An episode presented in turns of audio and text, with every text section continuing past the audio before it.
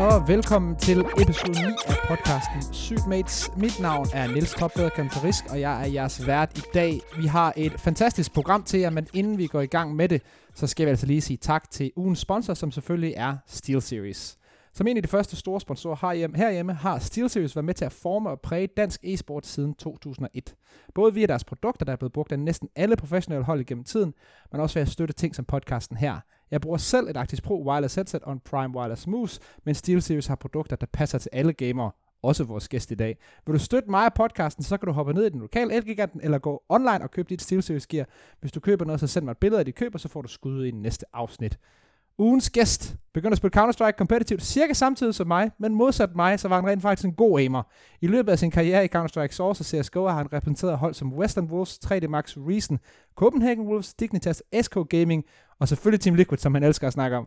Efter mange af hans øh, store turneringer på arena-scenen, så skiftede han ud til jobbet som ekspert på den internationale stream, og kan i dag findes på sin Twitch-stream, hvor han repræsenterer Zero Zero Nation, og også på TV2, hvor han fungerer som ekspert og kommentator. Ugens gæst i Sygt Mates er selvfølgelig Jakob Pint Vindike. Hvordan har du det, Pimp? Jeg har det fantastisk, Niels. Sikke en fed, uh, fed introduktion der. Du fik mig nærmest ja. til at glemme, at jeg spillede Liquid, men det er rigtigt. Jeg skal mindes om det en gang imellem. Men uh, jo, jeg har, det, jeg har det fantastisk. Jeg nyder tilværelsen i, i Aalborg, og uh, ja, en uh, travl hverdag som altid, men, uh, men, men godt. Ja, det er jo egentlig den eneste ting, jeg ikke nævner i introen. Bor selvfølgelig i Nordens Paris, øh, hvor, du, mm-hmm. hvor, du, hvor, du, hvor du har en fed lejlighed og, og spiller, og spiller stadigvæk fodbold, gætter jeg, øh, det et eller andet sted. Det gør jeg. Jeg spiller i en, en lille bundeklub, der hedder Vorst. Øh, faktisk den, den by, jeg voksede op i, øh, gik i skole, okay. der var helt lille, så øh, vi er tilbage til, til rødderne. Nice. Men ja, vi har selvfølgelig en, øh, en masse nyheder, vi skal igennem, og så har vi selvfølgelig nogle mere specifikke emner, som, som Jakob han kan hjælpe mig med at, at snakke om og diskutere og bringe lidt insight på. Men den første ting, vi, vi kan snakke om, nu kan jeg ikke huske, om, om du var med på de dage, hvor det blev sendt på TV2, men Movistar, de øh, spiller altså i ESL Pro League, og de topper gruppe C. Ja. Og øh, Players, hvad skal man sige, nu hedder de jo ikke Gambit længere officielt, øh, i hvert fald i den her turnering, og Liquid, de kvalder ind som to og tre, men, men jeg tænker, talking pointet må være Movistar som, som normalt i den gruppe her. Ja, yeah, altså, det er overraskende, at de, øh, de vinder gruppen. Øh, lidt, øh, kan man sige. Jeg, jeg vil faktisk gå så vidt at sige, at det er nemt at komme på bagkant også. Øh, nu har jeg ikke selv været en, en del af dækningen, hverken på, på TV2 eller på ESL i løbet af den her turnering, men, men jeg havde mm. Movistar lidt som sådan et hold, der i en, en svag gruppe øh, sagtens kunne gå hen og, og kvalificere sig, øh, og, og kunne også godt se dem slå både hold som, som Players og Liquid. Så jo, at de går 5-0 i gruppen og, og kvalificerer sig som, som nummer et og går direkte videre, det er, det er overraskende, men jeg synes egentlig ikke, det er, det er så overraskende, som man gør det til. Øh, det, det er et mm. godt hold, øh, gode spillere. Øh, lidt af Copenhagen Flames har lidt den samme historie, øh, synes jeg. Øh, på deres gode dage spiller de noget fantastisk Counter-Strike, og på deres dårlige dage, der er de øh, helt til hundene, kan man sige. Øh, ja. De har valgt at, at, møde op til Pro League i en god form, og, og som jeg sagde, de er i en, øh, i en dårlig gruppe. Øh, Liquid er ikke noget godt hold lige nu. Big har heller ikke set god ud. Guardian, de har for alle dage nærmest været dårlige. Øh, amerikanerne, de party astronauts, det er ikke noget at skrive hjem om, og, og så er der players, der selvfølgelig i nuværende situation øh, Gambit øh, må selvfølgelig ikke repræsentere den russiske eget organisation, øh, så, så det er jo svært øh, lige at vurdere, hvor de står henne rent mentalt mm. også. Så, så for mig at se egentlig ikke så overraskende, men det var måske med måde, det skete på, at, at de går 5-0. Det var, det var imponerende. Ja, og det er også sjovt, fordi jeg, jeg er egentlig helt enig, det er jo, det er jo et solidt hold, og jeg har dem altid som sådan et hold, hvor at øh, man, man ved, hvad man får, føler jeg lidt fra dem. Og det, og det er måske lidt mærkeligt i forhold til, at du siger, at de kan være op og nede.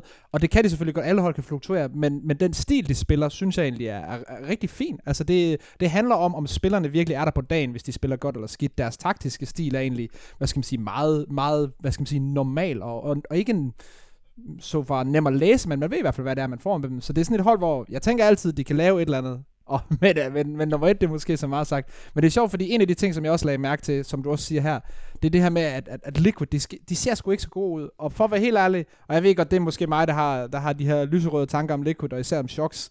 Men jeg havde altså forventet, at de var bedre. Ikke at de var, hvad skal man sige, et, et super godt hold endnu, men jeg havde forventet, at de var længere fremme, lidt ligesom jeg også havde forventet, at Vitality var længere fremme nu. Ja, det tror jeg, det tror jeg alle havde. Det, jeg synes egentlig, det er fair nok at sige. Øhm, jeg har altid haft det lidt ambivalent med, med den her chok-signing. Øh, selvfølgelig en mm. legende i spillet, øh, har, har virkelig budt på mange store momenter, men hans udløbsdato, den er altså også ved at være, være overskrevet, øh, ifølge mig i hvert fald. Det, det virker ikke som en spiller, der, der har så meget mere at give af. Øh, han kan sagtens spille på, på et højt niveau, men det er ikke en spiller, der kommer ind på et hold, i, i liquid situation og gøre forskellen, og det er det der er problemet. De har brug for en mm. spiller, der kunne komme ind og, og elevere dem, øh, tage den til et nyt niveau, og det gør Shocks ikke i, i nuværende form og, og, og i nuværende, øh, tør jeg sige, mentale tilstand. Han har øh, fastsat sig ikke med, med kone og børn, og er måske i hans karrieres efterår, og der skal man bruge noget andet, hvis man er liquid. Øh, mm. Øh, meget meget lidt forståelse for, hvorfor det lige endte med at være shocks, for at være helt ærlig. Øh, og det har jeg også ytret mig om et par, par gange. Der er mange andre yeah. bedre bud. Øh, JKS blandt andet øh, vil passe perfekt ind i, i Liquid, som de spiller lige nu. Øh, men der er de så valgt at gå med, med shocks. Så en, et, et frisk bud her for mig, Niels, det vil også være, at, at hvis Liquid ikke laver et stort resultat til, til Major, så, øh, så er han også på vej ud igen. Og så tror jeg, at JKS fortsat, de når at signe ham, inden der er nogen andre, der mm. gør, så, så kunne han meget vel være næste mand i Liquid.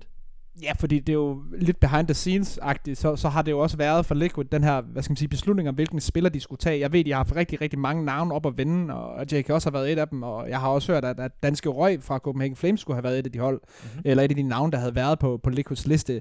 Og de så ender med Shocks, det er jo, det er jo så, hvad skal man sige, hvem end der træffede beslutningen derovre. Nu har de jo ikke en, en, en, en, en GM, kan man sige, for organisationen, der træffer de her beslutninger. Jeg ved ikke, om det er coachen, spilleren eller ejeren, eller hvem det er, der, der ligesom træffer den for Liquid.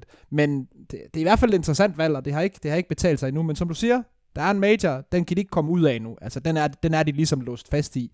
Men, men spørgsmålet er jo så, når majoren kommer, og der har været sommerferie, og folk har fået lidt player break og sådan noget, om det så er det samme lineup, der tror jeg også, jeg, jeg, jeg er i din båd med, at hvis der ikke sker et eller andet vildt i løbet af de næste 2-3 måneder, så tror jeg sgu også, det er svært at være choks. Og så tror jeg også, han er i, i den situation, som måske også en Freiburg i, øh, i Dignitas er lige nu, ja. så er det nok det. Altså, det kan godt være, de er legender, og det skal vi give dem, og de har leveret store momenter, men, men nu må det også være, være nok, ikke? Altså, Get Right trækker jeg så ud på det rigtige tidspunkt, føler jeg. Altså, han, han havde ikke mere, og så stoppede han. Shocks og Freiburg for eksempel er jo næsten samme niveau i, i forhold til legendestatus, men, yeah. men de er her stadigvæk, og det føles lidt forseret. Jamen, det, det, det er sgu lidt som en, en bakke æg, øh, for at være helt ærlig. Altså, du kan godt, øh, du kan godt spise ægget, selvom det, det måske er gået to, år, to uger over øh, sidste udløbsdato, ikke? men på et eller andet tidspunkt, så når du begynder at ryste der æg, så lyder det klamt, og når det kommer ud, så er det også klamt, og det smager ikke godt til, til allersidst. Så jo, altså, du ved, alle har en udløbsdato, og nogen kan måske også lige strække den et par uger, eller, eller, eller to år, måske mere end, end hvad godt er. Det synes ja. jeg allerede Shocks har gjort.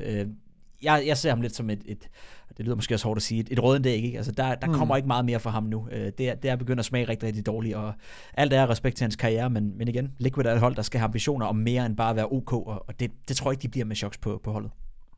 Et andet hold, som øh, man kan snakke om, når, når vi snakker om det her med udløbsdato og år og hold og spillere, der måske, hvad skal man sige, laver den sidste, den sidste dans, det er jo Imperial, som også branded deres projekt som, som Last Dance øh, ja. hold. De har spillet lidt op og ned, frem og tilbage, men de har hentet deres første sejr i den her Omen WGR-turnering, hvor de har vundet over nogle, nogle lidt mindre hold. Og det både, hvad skal man sige, bringer, bringer to emner på, på, på bordet for mig. Det er jo er det så det samme med Imperial? Er, er deres spillersammensætning samme sted? Og nummer to, der er rigtig mange hold, som man vil i hvert fald brandmæssigt øh, betegne som tier 1, som har begyndt at spille mange af de her små turneringer. Vitality i, i Pinnacle for eksempel, og nu også Imperial her i Omen WGR. Men uh, vi kan starte med det første. Imperial Last Dance, hvad, hvad ser du? Er det det samme problem som Shock to Liquid, eller er det en, en helt unik situation? Ja, det er en helt unik situation. Altså, det hold, det er, det er bygget for... Øh for, for at have det sjovt, altså for at nyde ja. det at spille Counter-Strike. Øh, kæmpe PR-overvågenhed også, ikke? Det, det er et hold, der virkelig formår at trække overskrifter. Nogle store personligheder i, i Fallen, mm. Fur og så videre, de, øh, de kan noget, øh, de her forskellige spillere. For mig ser det aldrig et hold, der sådan er, er bygget øh, til at være de bedste i verden, eller til at overhovedet skulle kvalificere sig til en major, og, og derfor må jeg også rose dem lidt. Altså, jeg synes faktisk, de har spillet, nu har jeg set et par kampe med dem, de spiller mm. bedre Counter-Strike, end det jeg forventede. Altså, de tager det mere seriøst et eller andet sted, end jeg et eller andet sted forventet. Øhm, holdet er jo solgt på, at, at det er de her store personligheder, det er det her all-star lineup, der, der har deres last dance, ikke? Øhm, og, og, og bare det, de er sammen, det er nok til at, at hente værdien ind i, i, i diverse sponsorater, i diverse ja, YouTube-videoer osv., så, videre. så, så hvor godt de præsterer, det er lidt underordnet, kan man sige, men, men det har sådan en effekt at, at se de her spillere præstere på et, et okay højt niveau. Øh, jeg er ikke sikker på, at vi har set det bedste fra dem endnu, og, og det skræmmer mig egentlig lidt, øh, og, og, og gør mig også lidt usikker med, med, med den prediction, jeg havde for et par måneder siden.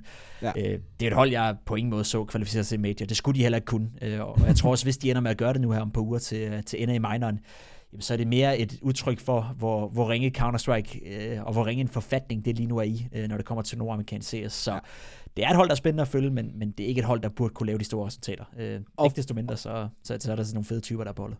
Og det er det helt sikkert. Jeg kom lige til at tænke på en, på en, på en hvad skal man sige, en reference. Nu, øh, nu er det sikkert mange fra, øh, fra, fra TV2, øh, folket, der, der lytter med her i dag, og, og, og de, jo, de, ja, vi ved jo, at de elsker vores referencer, når vi refererer til andet sportpimp, så lad os nu bare tage NBA-referencen, og så sige, Last Dance, Jordan altså var jo manden. Det var ham, der, der carried det hold. Han havde nogle gode pieces omkring sig. Mm. Men hvis du skulle vælge en spiller for det her Imperial hold her, der skulle være Jordan.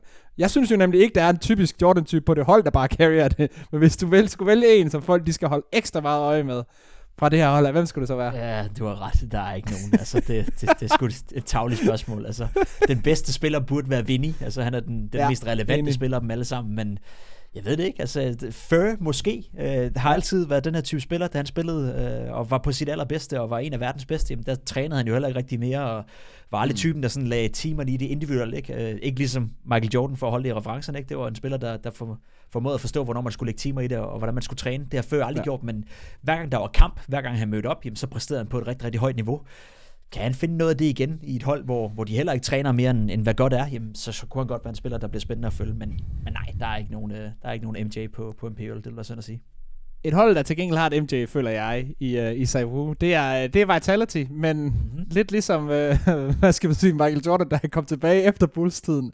Så synes jeg egentlig, at, at, at Vitality og Saiwu, de, de har sgu skuffet lidt på det seneste, og det har lige, lidt. hvad skal man sige, uh, endt, uh, eller hvad skal man sige, resulteret i, at de signede op til den her Pinnacle, fik en invite til, uh, til, til kvartfinalen, og for at være helt ærlig, jeg havde glædet mig til, at, at vi skulle spille mod dem i dag, men de taber simpelthen til Skate, for Bulgarien, og generelt øh, er den kamp, og, og, og hvad skal man sige, det her nederlag, for mig symptomatisk på en periode, hvor, at, hvor Vitality, de har, ramt, de har ramt lidt ved siden af. De har sgu ikke været der, hvor, hvor jeg føler, at, at, at de kan være med det lineup de har. De har Saiwu, de har Dupree, de har Magisk, og så har de altså også, hvad skal man sige, øh, franske, franske hvad skal man sige, fringe-spillere, som Apex også skal bevæge holde rundt.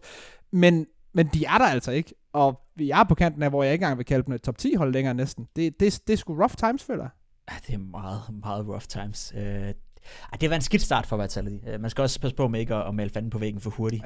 Ja. Uh, de her kommunikationsproblemer, der, der kunne komme, og, og generelt alle de forskellige ting, de skal arbejde med, uh, det, det kan godt gå hen og blive sværere, end mange havde forudset. Uh, det sagt, så synes jeg, der er nok kvalitet på holdet til, at de burde være bedre. Uh, de taber til skade i, i Pinnacle Cup, som du så fint beskriver her uagtet om du, øh, altså, du snakker russisk med hinanden, eller ukrainsk, eller hvad det nu er, altså du, du, du slet ikke kan finde ud af at kommunikere, så, så vil jeg stadigvæk sige, at det spillermateriale, der er til rådighed i Vitality, det skal præstere bedre. Altså det er ikke okay. Det burde slå dem uden lyd nærmest, altså. Ja, det burde de. Det burde de. Også måden, de taber på. Jeg så noget af kampen. Det var, mm. det var, det var pinligt ringe et eller andet sted. Så, så der er ikke nogen tvivl om, at, at Vitality lige nu har problemer, øh, og har en masse ting, de skal arbejde på. Øh, heldigvis, kan man sige, så har de stadigvæk et par uger, før det går løs i, i major-kvalifikationen, hvor de for alvor skal være der, men, vi står pt. et sted, synes jeg, hvor, hvor det europæiske Counter-Strike-scene er så stærk, at hvis de ikke stepper op inden for de næste mm. par uger, så står vi altså i en situation, hvor de potentielt godt kunne gå klip af at, at, at spille med, hvor det er sjovt til, til major. Ja, hvilket er vanvittigt. Det vil være vanvittigt, ja.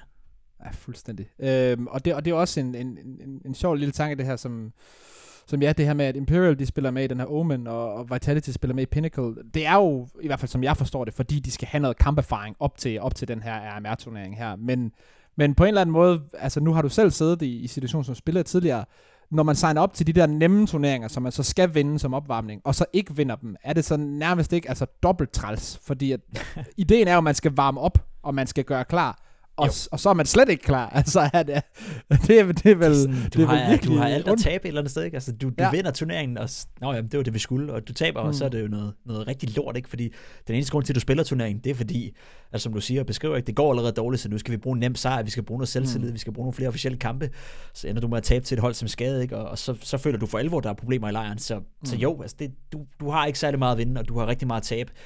Øh, man kan sige, at i den her situation, så er der også mange præmiepenge på, på spil. Øh, hvis jeg ikke husker mm. forkert, så kan du vinde 80.000 dollars i, ja, i en relativ... Ja, det er præcis 80.000, og så er der nogle, nogle x amount of dollar per win også, der kommer med, men dem har okay. vi så ikke haft så mange af. Nej, lige præcis. De røg ud i, i første runde for dem, ikke? Så det er, det er skidt, ikke? Der, der er noget på spil. 100.000 øh, dollars selv for et hold som Vitality, det er også en sum penge. Øh, så, så jo, de, de står med, med røven i vandskåben, og der skal ske noget inden for de næste par uger. Det vil jeg så også sige. Altså, min, min, min faglige vurdering vil være, at med de spillere, de har, den erfaring, de har, mm. trænerstaben, også øh, ja. Robbel og, og Sonic bag dem, ikke? Altså, det, det skal være aktører, der er i stand til at få dem på rette køl igen. Hvis, hvis de ikke kan få det til at ske her i Vitality, så, øh, så står vi også i en situation, hvor at, at, at hele det her, kan man sige, ophav med, at, at da de signede Dupree og Magisk og, mm. og Sonic, ikke? der var de jo i en periode, hvor de var verdens anden bedste hold, og, og virkelig spillede noget flot Counter-Strike med et rent fransk lineup. Øh, mm. Der var jo nogen, der var begyndt at spekulere i, hmm, var det nu smart, var det en fejl? Kan I virkelig blive verdens anden bedste, eller måske verdens bedste med, med fransk-dansk uh, islet på, på holdet? Så ja. der, der er nogen, der skal stå til ansvar for det her, og, og jeg tror også et eller andet sted, at, hvis det ikke kommer til at lykkes inden for de næste par måneder, jamen, så, øh, så kunne Vitality godt stå i en situation, hvor man må måske begynde at kigge på at offloade nogle af de her spillere igen, og finde andre løsninger til, til projektet. Ja, det var faktisk en sjov tanke, det her, fordi hvis man som Vitality, og, og generelt, nu kan jeg ikke huske, hvad han hedder, ham deres franske sportsdirektør, eller, eller hvad det nu er, hans, hans, hans rolle er, men ham, der træffer beslutningen, altså, hvor lang tid skal man give det? Fordi når man er i en situation som Vitality, og har det brand, og bruger de penge, så gør man det for at blive verdens nummer et, og hvis man allerede efter, lad os sige, 4, 5, 6 måneder kan se, det her, det kommer nok ikke til at være nummer et. Altså, hvor, hvor tidligt kan man som organisation egentlig trække stikket? Fordi vi har jo altid i Counter-Strike-verdenen sagt det her med, at det tager tid, og så videre, så videre, så videre, fordi sådan har det altid været. Men Counter-Strike har også udviklet sig, og med de her transfersummer og lønniveauer, der er nu, hvornår kan Orken så i virkeligheden altså, øh, trække træk stikket på en spiller og bare sige, det, var, det kommer ikke til at fungere? Ja, det, det, det er et godt spørgsmål altid, ikke? Altså, det, og det er, umuligt at, det er umuligt at svare på et eller andet sted. Det kommer virkelig ja. an på, på situationen, det enkelte individ og så videre og så videre. Lad os nu sige, at vi er i en situation, hvor at, øh, lad os lege med tanken om, at, øh, at det er Magisk, der, der hænger i bremsen. Uh, han har egentlig spillet mm. fint, synes jeg, indtil videre, men man kan selvfølgelig også lægge på sammen med de andre. Men, men Magisk spiller er utrolig dårlig, og har en dårlig attitude til træning, er ikke villig til at lægge tiden i det, uh, måske påvirker holdkammeraterne dårligt. Så kan man i en tidlig situation godt vælge mm. at sige, prøv at det kan vi ikke bruge til noget. Altså, vi har ikke tid til at vente på, at du skal bruge øh, 3, 4, 5, 6 måneder på at få dit hoved straight igen. Vi finder en anden. Øh, der er ikke nogen, synes jeg, ud over Saivu på det hold, et eller andet sted, der ikke kan, altså, hvor man ikke kan finde en, der er, der er næsten lige så god, eller der måske kunne, kunne fungere bedre. Og det lyder vildt at sige om, om så stjernespækket et hold, men, men der er bare så mange gode Counter-Strike-spillere i dag, at, at alle er replaceable et eller andet sted. Altså, der er lige Simple, ja. Saivu og, og et par stykker andre, man ikke rigtig kan, kan fjerne fra nogen hold. Udover det, jamen, så, øh, så står der altså nogen, der banker på døren. Så i et tænkt eksempel, hvor, hvor det har noget med attitude at gøre, noget med, med ja, arbejdsmoral og så videre, jamen, så trækker man mm. stikket hurtigt, øh, og så vælger man at sige, du skal ikke ødelægge det for os andre. Omvendt, så tror jeg at de står i en situation lige nu, hvor alle egentlig lægger indsatsen i det. Øh, jeg tror ja. ikke, der er nogen problemer med, med nogle af spillerne, hvad det indgår. Jeg tror simpelthen, det handler om tid, altså i den her situation, lige i det her tilfælde med kommunikation, med kulturen på holdet, med hvordan man gerne vil spille. Saivu har heller ikke lige sig selv. Føler han sig ikke komfortabel mere, på grund af, at man nu snakker engelsk, og så videre, så videre, så videre. Så de skal prøve at se, om de kan finde nogle løsninger på de problemer. Og, og så længe de tror på, at, at der er løsninger at finde, jamen, så tror jeg, at man fortsætter og giver det noget tid, men, men så snart det bliver et problem med, at der er spillere, der mister troen på det, eller spillere, der mister motivationen, så tror jeg ret hurtigt, at man som organisation skal, skal ind og trække stikket, eller lave en ændring. Øh, og der ser vi også nogle gange, at, at der, der er nogle af de her ejere, og nogle af de her ja, såkaldte GM's, der simpelthen ikke har nosserne til at få det gjort, eller ikke har forståelsen til at få det gjort, fordi der er ikke noget værre, end når en spiller eller et par spillere begynder at melde sig ud af kampen. Øh, det smitter øh, på resten af holdet, og det har jeg prøvet mange gange før selv også. Har sågar selv været den spiller, der lidt mistet troen på, på projektet, og hvis man ikke selv trækker stikket, så er der en anden, der må gøre det for dig, øh, og, ja. og, der skal de altså være gode og, og hurtige nok til at, at få det gjort. Men det synes jeg er en, en, mega, en mega fed point, det her. Nu kender det selvfølgelig også selv bare på, på lavere niveauer i Trick, det her med, at, at en ting kan være, at resultaterne ikke er der, men en anden ting er, hvordan man, hvad skal man sige, håndterer den, den daglige træning, og hvordan man håndterer alt det derude. Det, som man, hvad skal man sige, i sportslig og i e-sporten også vil kalde kulturen på holdet. Altså alt det der, der er ud over det, der foregår inde på serveren. Ja. Det, det synes jeg er en, en super underrated point, der er kommet, fordi det er en ting, der er ekstremt svær at se for seere, der bare ser kampene. Du har, de har ingen anelse, og det har vi jo, hvad skal man sige, da vi arbejdede som kommentatorer, heller ikke rigtig nogen anelse om præcis, hvordan det foregik på et hold. Øh, og, og, og, jeg har jo, hvad skal man sige, fået et indblik nu, for det, nu er det basically det, jeg i hvert fald ikke laver, men i hvert fald prøver at administrere nu i Tricked, dog på et lavere niveau. Det her med, at jamen, det, det er så vigtigt, at man på daglig basis har en, en kultur, har en forståelse for, hvordan kommer vi videre, også selvom det går dårligt. Og, og der vil jeg så også sige, der er Danmark, hvad skal man sige, noget, noget længere, end vi var for 5-10 år siden, hvor det var et generelt stort problem på alle hold, hvor jeg føler, det er, det er meget specifikke spillere. Altså, jeg har, jeg har snakket med én spiller, det var ikke engang i Counter-Strike på vores hold, hvor det var et problem øh, i løbet af de sidste tre måneder. Vores Counter-Strike-hold havde det rigtig rough i, i december-januar, men, men, men kom over det, fordi de arbejdede hårdt, og, og nu er de et godt sted nu, ikke? Og, og det er jo også det, jeg føler, der, der er vigtigt at holde fat i, så hvis, hvis Vitality er på det samme sted, hvor det egentlig går godt, hvad skal man sige, de bevæger sig fremad, det viser sig bare ikke resultaterne, så er det jo bare et spørgsmål om tid. Altså, så skal de bare have den tid, det tager. Og, og så forhåbentlig så er, at den GM i, i Vitality så klar nok over det, og er så meget med i, i processen, at han også godt forstår det, og det, ja, det, det, det, det virker det i hvert fald på ham. Det er jo det, og der er også altid det økonomiske aspekt også, ikke? Altså, der er jo ikke nogen tvivl om, mm. at, at Sonic, Magisk og, og Dupuy, de er, de er signet til nogle, nogle rigtig store kontrakter, øh, og, ja. og kender jeg dem og, og øh, eventuelle agenter godt nok, ikke? så er det også nogle lange kontrakter, så, så det er ikke billigt bare at skille sig af med, med spillere som, som Dupuy og, og Magisk, så altså, der er mange aspekter i det, der er mange nuancer i det, man skal have med, men mm. jeg tror lige i Vitality's tilfælde, jamen, så er det en, en kan vi sige, en klub, øh, der har godt med, med muffen, ikke? Der, der er masser af penge at tage, så de har måske lidt mere frihed til at, at tage de store beslutninger kontra andre hold, der,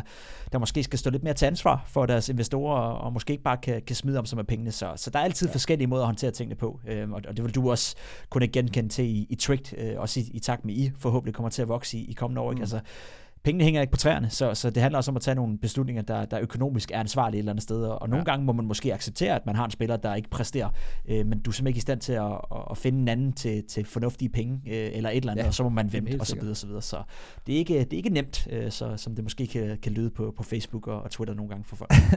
Og, og lige præcis det her med at lave den her udskiftning, det bliver, hvad skal man sige, jo højere du kommer op, jo, jo dyrere bliver det, jo sværere bliver det. For mm. en ting er, hvis vi skulle lave en udskiftning i Trick, så vil det ikke, der er, der er ikke så mange spillere, der, der, hvad skal man sige, er på dyre kontrakter eller med store buyouts, hvad skal man sige, i, i, den, i den danske top 10, eller hvis vi skulle hente en fra et niveau lavere. Det vil være okay, det vil vi godt kunne klare, men lige så snart du kommer op i det her top 10 potentiale, jamen, så er der nemlig de her lange kontrakter, to, måske tre år. Du, vi snakker, hvad skal man sige, lønniveauer på, på plus 150-200.000 kroner om måneden, og buyouts, der er 1 million dollars eller større, ikke? Altså det er, det er store summer, man lige pludselig committer til det. Så jo længere du kommer op, jo, jo mere besværligt bliver det også at lave de her udskiftninger her. Det er jo det er måske det, som folk ikke helt ser, når man bare ser et eller andet hold, og der er en spiller, der virkelig performer dårligt. Hvad skal man sige? Man ser ikke behind the scenes arbejder han rigtig godt at gøre, at de andre er gode, og han har så også lige, hvad skal man sige, en, en høj løn, og hans replacement koster 1,5 millioner dollars. Så er der jo flere årsager til, at han ikke bliver skiftet ud, men det er også det, der er, hvad skal man sige, lidt, lidt, lidt lidt det fede også, det er, at vi har jo ikke alle infoen, og, og det er ikke alle, der har al insight at all times, og så når der lige pludselig sker en ændring, eller ikke sker en ændring, så er det jo, så er det jo overraskende, at man kan sidde på den anden side og sige, hvordan og hvorfor. Det giver os altid noget at snakke om, og det er jo det, er det vi lever. ja, lige præcis.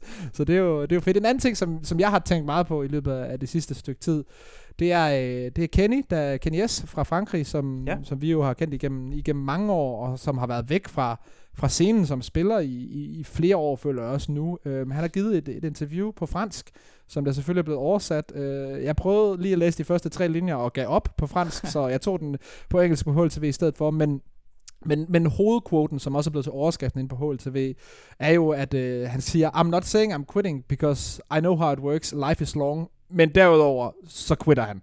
Så det, det er sådan lidt en, en, hvad skal man sige, en, en retirement for Kenny S, men han siger også samtidig, at jamen, han retire, fordi han ikke har lyst til at spille. Han retire, fordi han ved, hvor meget det kræver, og det har han ikke lyst til at give lige nu, nuværende i hans, i hans liv. Og det er jo også en, en snak, som jeg synes er, relevant at snakke med dig om, fordi at, og du valgte jo, hvad skal man sige, også at, at, at gå en anden vej med din karriere, fordi at du ligesom brændte brænd, brænd igennem på det, og, og det er ikke, hvad skal man sige, hvad det du forventede, det skulle være, og så videre, så videre, så videre. Så vi er stadigvæk et sted i Counter-Strike, hvor ingen ved, hvornår en karriere slutter rent aldersmæssigt. Der er ikke rigtig nogen, der, der kan sige, på det, det her tidspunkt her, så kan du ikke spille CS mere. Det handler meget om, om mindset, og også, om man kan smide de her timer i det, så er det, er det noget, du tror, vi kommer til at se mere af det her med spillere, der, der simpelthen bare stopper, fordi at, at, at det liv, som man skal have, det, det er ikke til dem længere? Ja, det tror jeg. Øh, det, det tror jeg. Øh, og for lige at følge op på den også, ikke? Altså, det, det, der er ikke, øh, for, for mig ser der ikke nogen alder. Altså, der, er ikke, øh, det, er ikke nogen alder, der, der bestemmer, hvornår du skal stoppe eller ikke skal stoppe. Øh, og den mm. barriere, den bliver rykket hele tiden. Det handler om motivation. Øh, det handler om, hvor, hvor meget tid og, og hvor meget ja, af dit liv, du er villig til at, at proppe i Counter-Strike. Øh, lige nu står vi i en situation, som vi også snakker lidt om med, med Vitality og nogle af de andre hold, der står altid en ny på den anden side af døren. Der er altid en anden, der arbejder lidt hårdere end dig, spiller lidt mere end dig, der er lidt mere motiveret, der ikke har, har smagt på livet som professionel. Øh, og ja. så er der alle dem her, der, der har fået en smag for det, der måske har levet det her liv i 3, 4, 5 år og er ved at køre lidt død i det.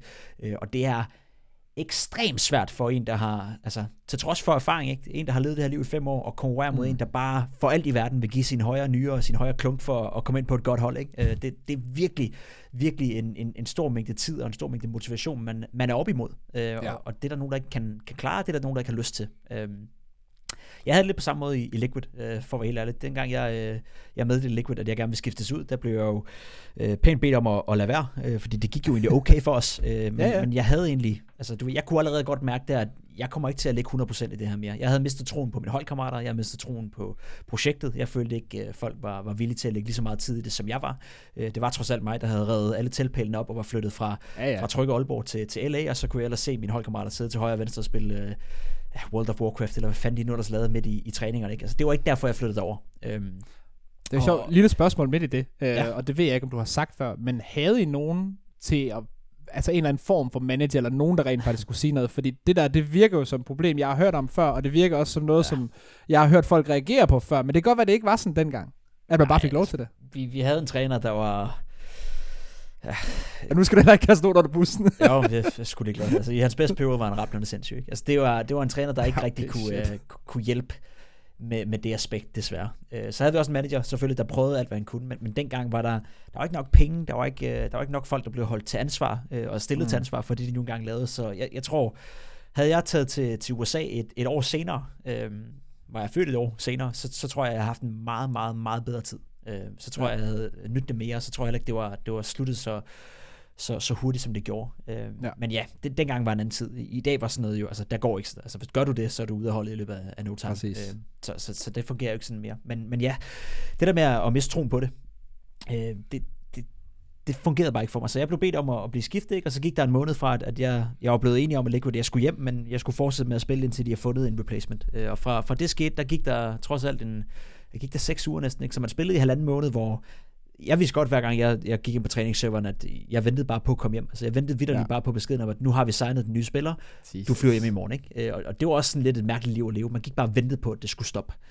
Øhm. det, det må være helt, helt vanvittigt. Ja, det, det var lidt vanvittigt. Altså, og, men det var egentlig, der jeg spillede med bedste Counter-Strike, ikke? fordi presset var der ikke, ja, okay. og jeg var jeg var ikke blevet ligeglad. Jeg var stadigvæk respektfuld ikke, og deltog stadig mm. i træningerne, men, men i kampene tog jeg da lidt ekstra risici, øh, og det gjorde jeg spillet ja, endnu bedre, end jeg, jeg gjorde før. Ja. Øh, ikke desto mindre, så, øh, så, så, så kom jeg til den konklusion, at jeg kan ikke give mig 100% her mere. Det er ikke fair for, for dem, det er ikke fair for mine holdkammerater, det er ikke fair for nogen, det er ikke fair for mig selv. Øh, mm. og, og derfor stoppede jeg. Og, og så kom jeg jo hjem, og jeg kan huske, at jeg fik nogle, nogle tilbud fra andre amerikanske hold, øh, også til, til bedre penge, end jeg fik i Liquid. Øh, var stadig høj kurs lige de første par måneder, man kom hjem. ikke. Øh, sagde ja. nej til dem, havde lige brug for en pause, og, og så går det stærkt. Altså siger du ikke ja inden for de første to, tre, fire, fem måneder, så glemmer folk dig. Øh, så havde jeg lige en periode, hvor jeg spillede stand in for Astralis, gjorde det fornuftigt i, i, i et par kampe, så kom der et par tilbud mere, øh, lidt mindre størrelsesorden end, end de første, der kom. Dem sagde jeg også nej til, og så kom der ikke mere derfra. Altså, du ved, så var man råd i glemmebogen. Øh, og så er alle de her nye spillere, unge spillere, alle dem, der, der kæmper så meget for det, de er bare blevet bedre end dig. Altså, de har spillet non-stop ja, i seks måneder, hvor, hvor jeg har stået og solgt hotdogs ud på et stadion, ikke? og der kan jeg bare ikke følge med mere, øh, for at være helt ærlig.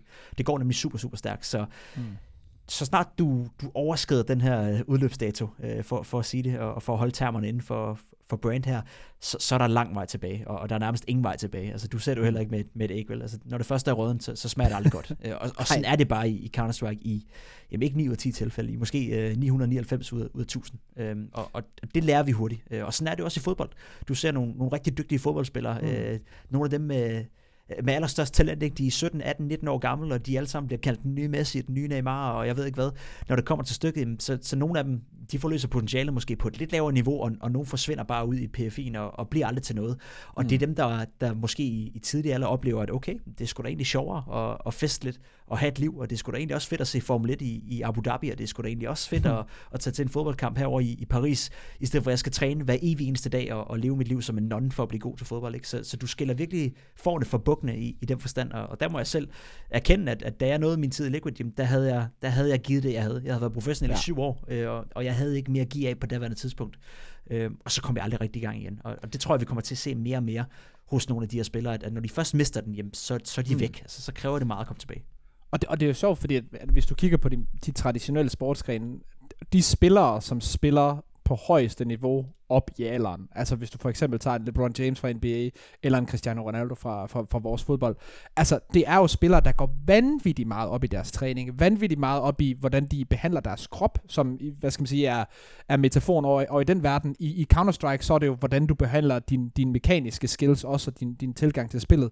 Så, så der er jo, hvad skal man sige, nogle paralleller at trække, at det er jo nogen, der nærmest er, hvad skal man sige, helt kultagtige med den måde, som, som de tilgår deres træning på. Det er dem, der kan spille som 35, 37, 38, 39 år i en sport, hvor de fleste de retire, når de er 34. Og sådan kommer vi også til at have spillere i CS, det er jeg sikker på. Nogen, der selvom de er 36, jamen, de har måske taget valget om, at det er ikke nu, jeg skal have en familie. Det er ikke nu, jeg skal lave de her ting her. At, at de committer sig så meget til det. Og, og det er jo, hvad skal man sige, både ja, forfærdeligt og fantastisk. Det kommer an på, hvem man er jo. Men det, det tror jeg bare, vi, vi ender med at finde ud af, at det er det, det kræver. Fordi der sidder bare nogen, som du siger, sultne. På den anden side, en eller anden 18-årig, der bare cranker 120 timer på to uger. Også selv, og man ikke skal spille en turnering. Altså, det, de sidder bare klar. Alle aimerne, de sidder derude. Det eneste, de mangler, det er bare at få, hvad skal man sige, en forståelse og en erfaring og, og, og en taktisk viden. Så, så er de oppe på samme niveau. Og det er også en af de sjove ting, vi har set med de her RMR qualifiers, open qualifiers, det er, at jamen, der er nogen hold, der taber i et BO1-format til, til fem altså faced level 10 spillere med en milliard elo, men som aldrig nogensinde har spillet en HLTV-turnering før, fordi det mekaniske niveau, det er så tæt på hinanden. Det er mm. alt det andet, der ikke er der. Det er alt det andet, som lad os sige, shocks, øh, shocks og, og alle de her gutter her i verden, de har, som, som en eller anden øh, helt syg level 10 på Faceit ikke har. Men mekanisk, så er de ikke langt fra hinanden. Og det er, jo, det er jo der, hvor jeg synes, at Counter-Strike er super interessant, fordi at, jamen, når den her lille bitte forskel, den er så lille, så er det nemlig alle de andre ting, der er den store forskel. Det er, hvordan du forstår spillet, hvordan du kommunikerer med dine holdkammerater. Og det er netop ting, som man ikke kan se, hvis man bare ser kampen. Og det synes jeg egentlig er lidt smukt, at man kan se som, sidde som seer, og så sidde, på, sidde og se på Super John 1, 2, 3, være mekanisk lige så god som Shox, men Shox har opnået alt muligt andet her hans karriere, og er en langt bedre spiller. Og det kan man jo ikke se, hvis man bare sidder og ser kampen sådan helt flat. Nå, der er mange ting, der er på programmet. En af de ting, som jeg synes, vi skulle med, men som jeg synes er lidt ligegyldigt, fordi jeg synes, holdet er dårligt, det tager vi her nu, ja. det er, at uh, den gode Phelps, han er simpelthen blevet replacer pimp. Og ja. uh, det er jo manden, der har været ind og ud af utallige brasilianske hold, der replacer ham. Det er Henny. Godt ja. er, er de noget værd nu, eller er de stadigvæk ikke noget værd? Nej, de, de, de er ikke meget værd. Det er, altså, for at sige det hardcore, altså, det er måske nogen, der lytter til den her podcast, der, der, der tror, at man som ekspert ser ser alt Counter-Strike i hele verden. Ikke? Altså, jeg har kun 24 timer på et døgn. Jeg kan godt lide at bruge noget ja, ja. tid til, til fodboldtræning, og kan også godt lide at streame lidt selv, og, og cykle også en tur en gang imellem, og så er der måske kun 10 timer tilbage. Så skal man virkelig være på passe med, hvor man spenderer de 10 timer med at se Counter-Strike. Ja. Godsend er ikke det de hold, jeg, jeg bruger tid på. Jeg ser dem en gang imellem, og det, det er det samme øh, halvsløj Counter-Strike, øh, uinspireret ja. Counter-Strike, som man har set et stykke tid. Så at, at bringe Henny ind, der har været elendig de sidste to og et halvt år, har ikke formået at, at forholde sig professionelt til en kontrakt, siden han spillede i Immortals, tror jeg det var, eller mm. Furia, øh, da, han, da han røg der, og, og, og synes, det var sjovt at spille med hans bror, i stedet for rent faktisk at holde sig relevant i Counter-Strike. Jamen det, for mig, for mig er det ikke interessant, så, så nej, øh, du er spot on. Det er, det er, sgu, det er sgu super uinteressant for at være, være helt ærlig jeg kan også komme med referencen, fordi vi i Trick lige nu ligger vi nummer, nummer 42, har ligget omkring den her nummer 50 plads i verden i, i et stykke tid. Og vi har en lang liste over hold, som der ligger over os, men som vi ikke er bange for, som vi gerne vil spille en BO3 imod. Og, mm. og godt sendt af det de hold. Der er mange hold, der ligger i, i det her, hvad skal man sige, segment her fra, fra nummer 50 i verden og så opad, hvor at, at de er gode, øh, hvad skal man sige, men de er ikke skræmmende. Det er ikke et hold, som, som selv hvis du ligger lavere end dem, du vil være bange for at møde i en BO3. Der, der er hold, som der er skræmmende, der er hold, som der på dagen kan være helt sindssyge. Øh, for eksempel et skatehold, der kan være, øh, hvad skal man sige, øh, helt, helt op i himlen, eller, eller fuldstændig elendige. Men et hold som Godsend, dem er man ikke bange for. Det, det er man simpelthen ikke, hvis man spiller i den her top 50, og bare kan finde ud af at spille holdmæssig Counter-Strike på et nogenlunde plan, fordi de har kun det der individuelle flere, og det har de nærmest heller ikke længere. Så, så det er i mine øjne heller ikke et, et hold, man skal holde øje med, men det er stadigvæk nogle navne, så jeg synes stadigvæk, det er relevant at snakke om, om så ikke bare for at trash talk dem lidt. Det, det er brasilianerne jo så glade for anyways. Ja, det er altid sjovt at trash talk. Men, men nogen, som jeg til gengæld har respekt for, øh, det er øh, de gode drenge fra ENS, der lige har qualified. De tabte så også en, en, en kamp øh, bagefter øh, i forhold til en anden turnering, de spillede i. Den nævner vi ikke, nu snakker vi kun om det gode, ENS de qualified i en qualifier til en qualifier. De skal nemlig spille Blast Showdown, hvor de, de joiner en, en, en, en god række hold, vil jeg sige. En, en spændende turnering, hvor vi også har Heroic Astralis der med, og Copenhagen Flames. Så rigtig stor dansker presence i, i Blast Showdown nu, og Insta, hvad skal man sige, også klarer det godt i Pro League. Det, det kører jo nogenlunde. Det gør det. Øh, spændende hold også. Øh, signing af, af Madden, øh, der kom ind, synes jeg var på papiret rigtig, rigtig god. Øh, de var skuffende i deres første turnering i år her, men forventede lidt mere af dem, synes jeg, i, i Katowice. Øh, men et hold, jeg, jeg tror også lige, der skal bruge lidt tid til at finde ud af, hvordan og hvorledes de skal spille.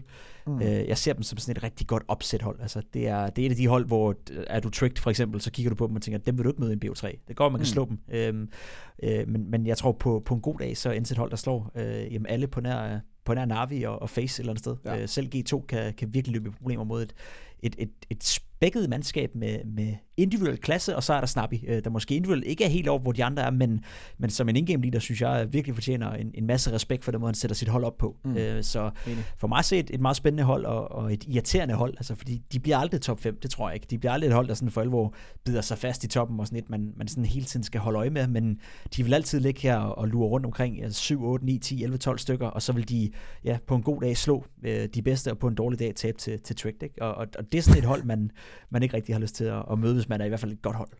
Men det er også, men det er også nødvendigt, altså især når vi snakker om, hvad skal man sige, de allerstørste turneringer, lad os sige majoren. Det er nødvendigt, at du har nogle hold, der kan lave sådan et kvartfinale opsæt, ja, og så ja. tabe i en semifinale til, til et af dem, der skal, der skal være de helt gode.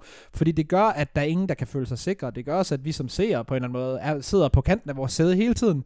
Fordi hvis du bare ved, hvis du får sådan en kvartfinale bracket, og du bare ved, okay, de første, de første par kampe, det er bare 2-0 til favoritterne hele vejen. Det er jo også på en eller anden måde kedeligt, selvom det er en kvartfinale i en stor turnering. Men hvis du har et hold som ends, hvis du har et hold, der har det opsæt potentiale, så føler man, så bliver man skulle lige nødt til at se kampen, fordi det kunne jo være, at det er en af de dage, hvor de, øh, hvor de lige flækker løs, og, og Snappy han skyder 38 på Mirage, eller hvad det var, han lavede dengang. Altså, det er jo, det er jo, det er jo fedt, at, at vi som Counter-Strike har sådan et hold, som, som vi godt ved, jamen de kommer nok ikke til at være verdens bedste, men alle skal passe på, og, og det kan altså også noget. Absolut, absolut. Det, det er vigtigt at have sådan nogle hold. Det er vigtigt at have, mm. have underdog-hold, der, altså, som du siger, der kan gå langt i, i turneringer. Og specielt fordi de, altså, de gør det ikke på sådan en måde, hvor man tænker, nej, det, det kan de aldrig gøre igen. Altså, de gør det med kvalitet. Der, der er kvalitet bag det, de, de laver. Så det er et spændende hold at følge, og, og helt sikkert også med, med danske briller med, med Snarbik, et, et hold, vi godt kan tillade os at, at holde lidt med en, en gang med. Vidste du, at SteelSeries nyeste keyboard Apex Pro TKL har justerbare switches, som gør det hurtigere at klikke på dine taster, og så du undgår at ramme de forkerte taster. Tusind tak til episodens sponsor SteelSeries, som jo også, hvad skal man sige, sponsorerer dig, Pim, kan man sige. Så, ja så, så du, du kan jo co-sign, uh, co-sign sponsoratet. Uh, lige hurtigt, nu kan jeg jo, du kan jo selvfølgelig se, vi sidder og har en lille webcam-samtale, det kan de andre selvfølgelig ikke se, men, men hvilke gear bruger du? Uh, jeg kan se, det, det, er, det er noget Apex keyboard, det er noget Prime mus. Ja, det er den, den Tesla lægger Prime Wireless, kører en QCK Heavy. Det er klassikeren. Den har jeg, jeg tror, jeg spillet med de sidste 10 år. Altså, det er, det er Muse Modern. Øh, der, der er ikke noget bedre end den, synes jeg. Og så, øh, så ja, keyboardet, det er, det er Apex... Øh, jeg tror, det er Apex 7, og så er det sådan en limited edition i noget hvid mm. lækker noget. Øh, så, uh, så det Ghost. kan noget. Ja, lige præcis. Det kan det er, det er nice. Men en anden ting, som, som jeg også synes, der, der, der er sjovt at lige få, dit, uh, få din besøg på, det er en, en snak, jeg lige så, der var uh, inde på HLTV. De havde interviewet nogle, nogle pro-spillere. Men, uh, men nu har jeg jo også min egen tidligere pro-spiller uh, her i podcasten, så kan jeg jo ligesom HLTV lave en, en expert take. Ja. Uh, fordi der er blevet snakket om uh, weapon balancing i forhold til den her M48S, og jeg kan huske, at, at da den her change her, den blev lavet for, for lang, lang, lang tid siden, så, uh, så snakkede vi on air om det. Uh, og det her med, at jeg tror, du kom med den her prediction, der så endte med at blive sand at CT-siderne vil blive rigtig, rigtig overpowered. Øh, og, og, og M4 A1S'en, den vil måske i den nuværende standard være faktisk for stærke. Det var en for stor change. Øh, hvordan, hvordan ser du på det nu? Fordi jeg, jeg, jeg føler lidt, at M4A4'en, den er blevet fuldstændig kastet. ud. Altså, der er jo ingen, der bruger den. Og dem, der bruger dem, er jo nogen, der på en eller anden måde øh, med næb og klør kæmper mod change. Altså, det er jo det, er jo det bedre våben, kan man sige, M4A1S i den meta, der er lige nu. Men skal det være sådan? Synes du, at, at, at både A4'eren og A1S skal have et place, eller, eller hvor står du hen i hele den her balance-diskussion? Ja, jeg synes, den er, den er blevet lidt for, lidt for kraftig. Øhm, sådan er det tit med, med sådan nogle våben. Du ændrer en, en, en lille ting, og på papiret altså, tror man måske ikke, det bliver en stor ændring, men, men når, hmm. når først de professionelle får fat i det, og, og får det lært et eller andet sted, så, så formår de at exploit det. Altså, de formår virkelig at udstille, øh, hvor, hvor vildt det er. Vi havde det jo samme med, var det krigen og Augen, øh, der ja, ja. I, i to år ikke blev brugt. Lige pludselig var der nogen, der begyndte at bruge den, og, og så, så lærte folk at bruge den. Og der var, ikke, altså, der var ikke lavet en opdatering til den. Det var det samme våben de sidste to år, men, men lige pludselig sad vi også og sagde, at den er simpelthen for god, vi bliver nødt til at gøre noget ved det. Men det er fordi, folk har lagt tiden i det. Øh, så, så man skal altid være lidt påpasselig med i, i starten at komme ud og sige, at det her det er skidt. Øh, jeg så problemet allerede, vil jeg sige, fra, fra start af. I og med, at, at de fleste var gode, altså fra sekund et, øh, så mm. kan man tænke, okay, vi ved, at, at over tid, så bliver det kun værre, værre, værre, værre. Og så snart, som sagt, de professionelle får fingeren i det, jamen, så, så formår de virkelig at, at udstille det, hvor, hvor stærkt det er jeg synes, vi har ramt en periode, hvor, hvor den er lidt for stærk. Øhm, jeg køber argumentet, det, det tror jeg var Robs blandt andet, der sagde det der med, at, at CT-siden må gerne være dominerende. Altså, det må gerne være en, en dynamik, hvor at, at man altid er, er dominerende på CT-siden, og de hold, der så formår at være gode på T-siden, de bliver rewarded ikke for det. Altså, de bliver rewarded mm. for at have gode taktikker, for at være gode til at, at spille defaults osv. Så, videre, så, videre. så man gør den ene side nemmere, den anden sværere, og så spiller man spillet på den måde. Den dynamik har jeg ikke noget imod.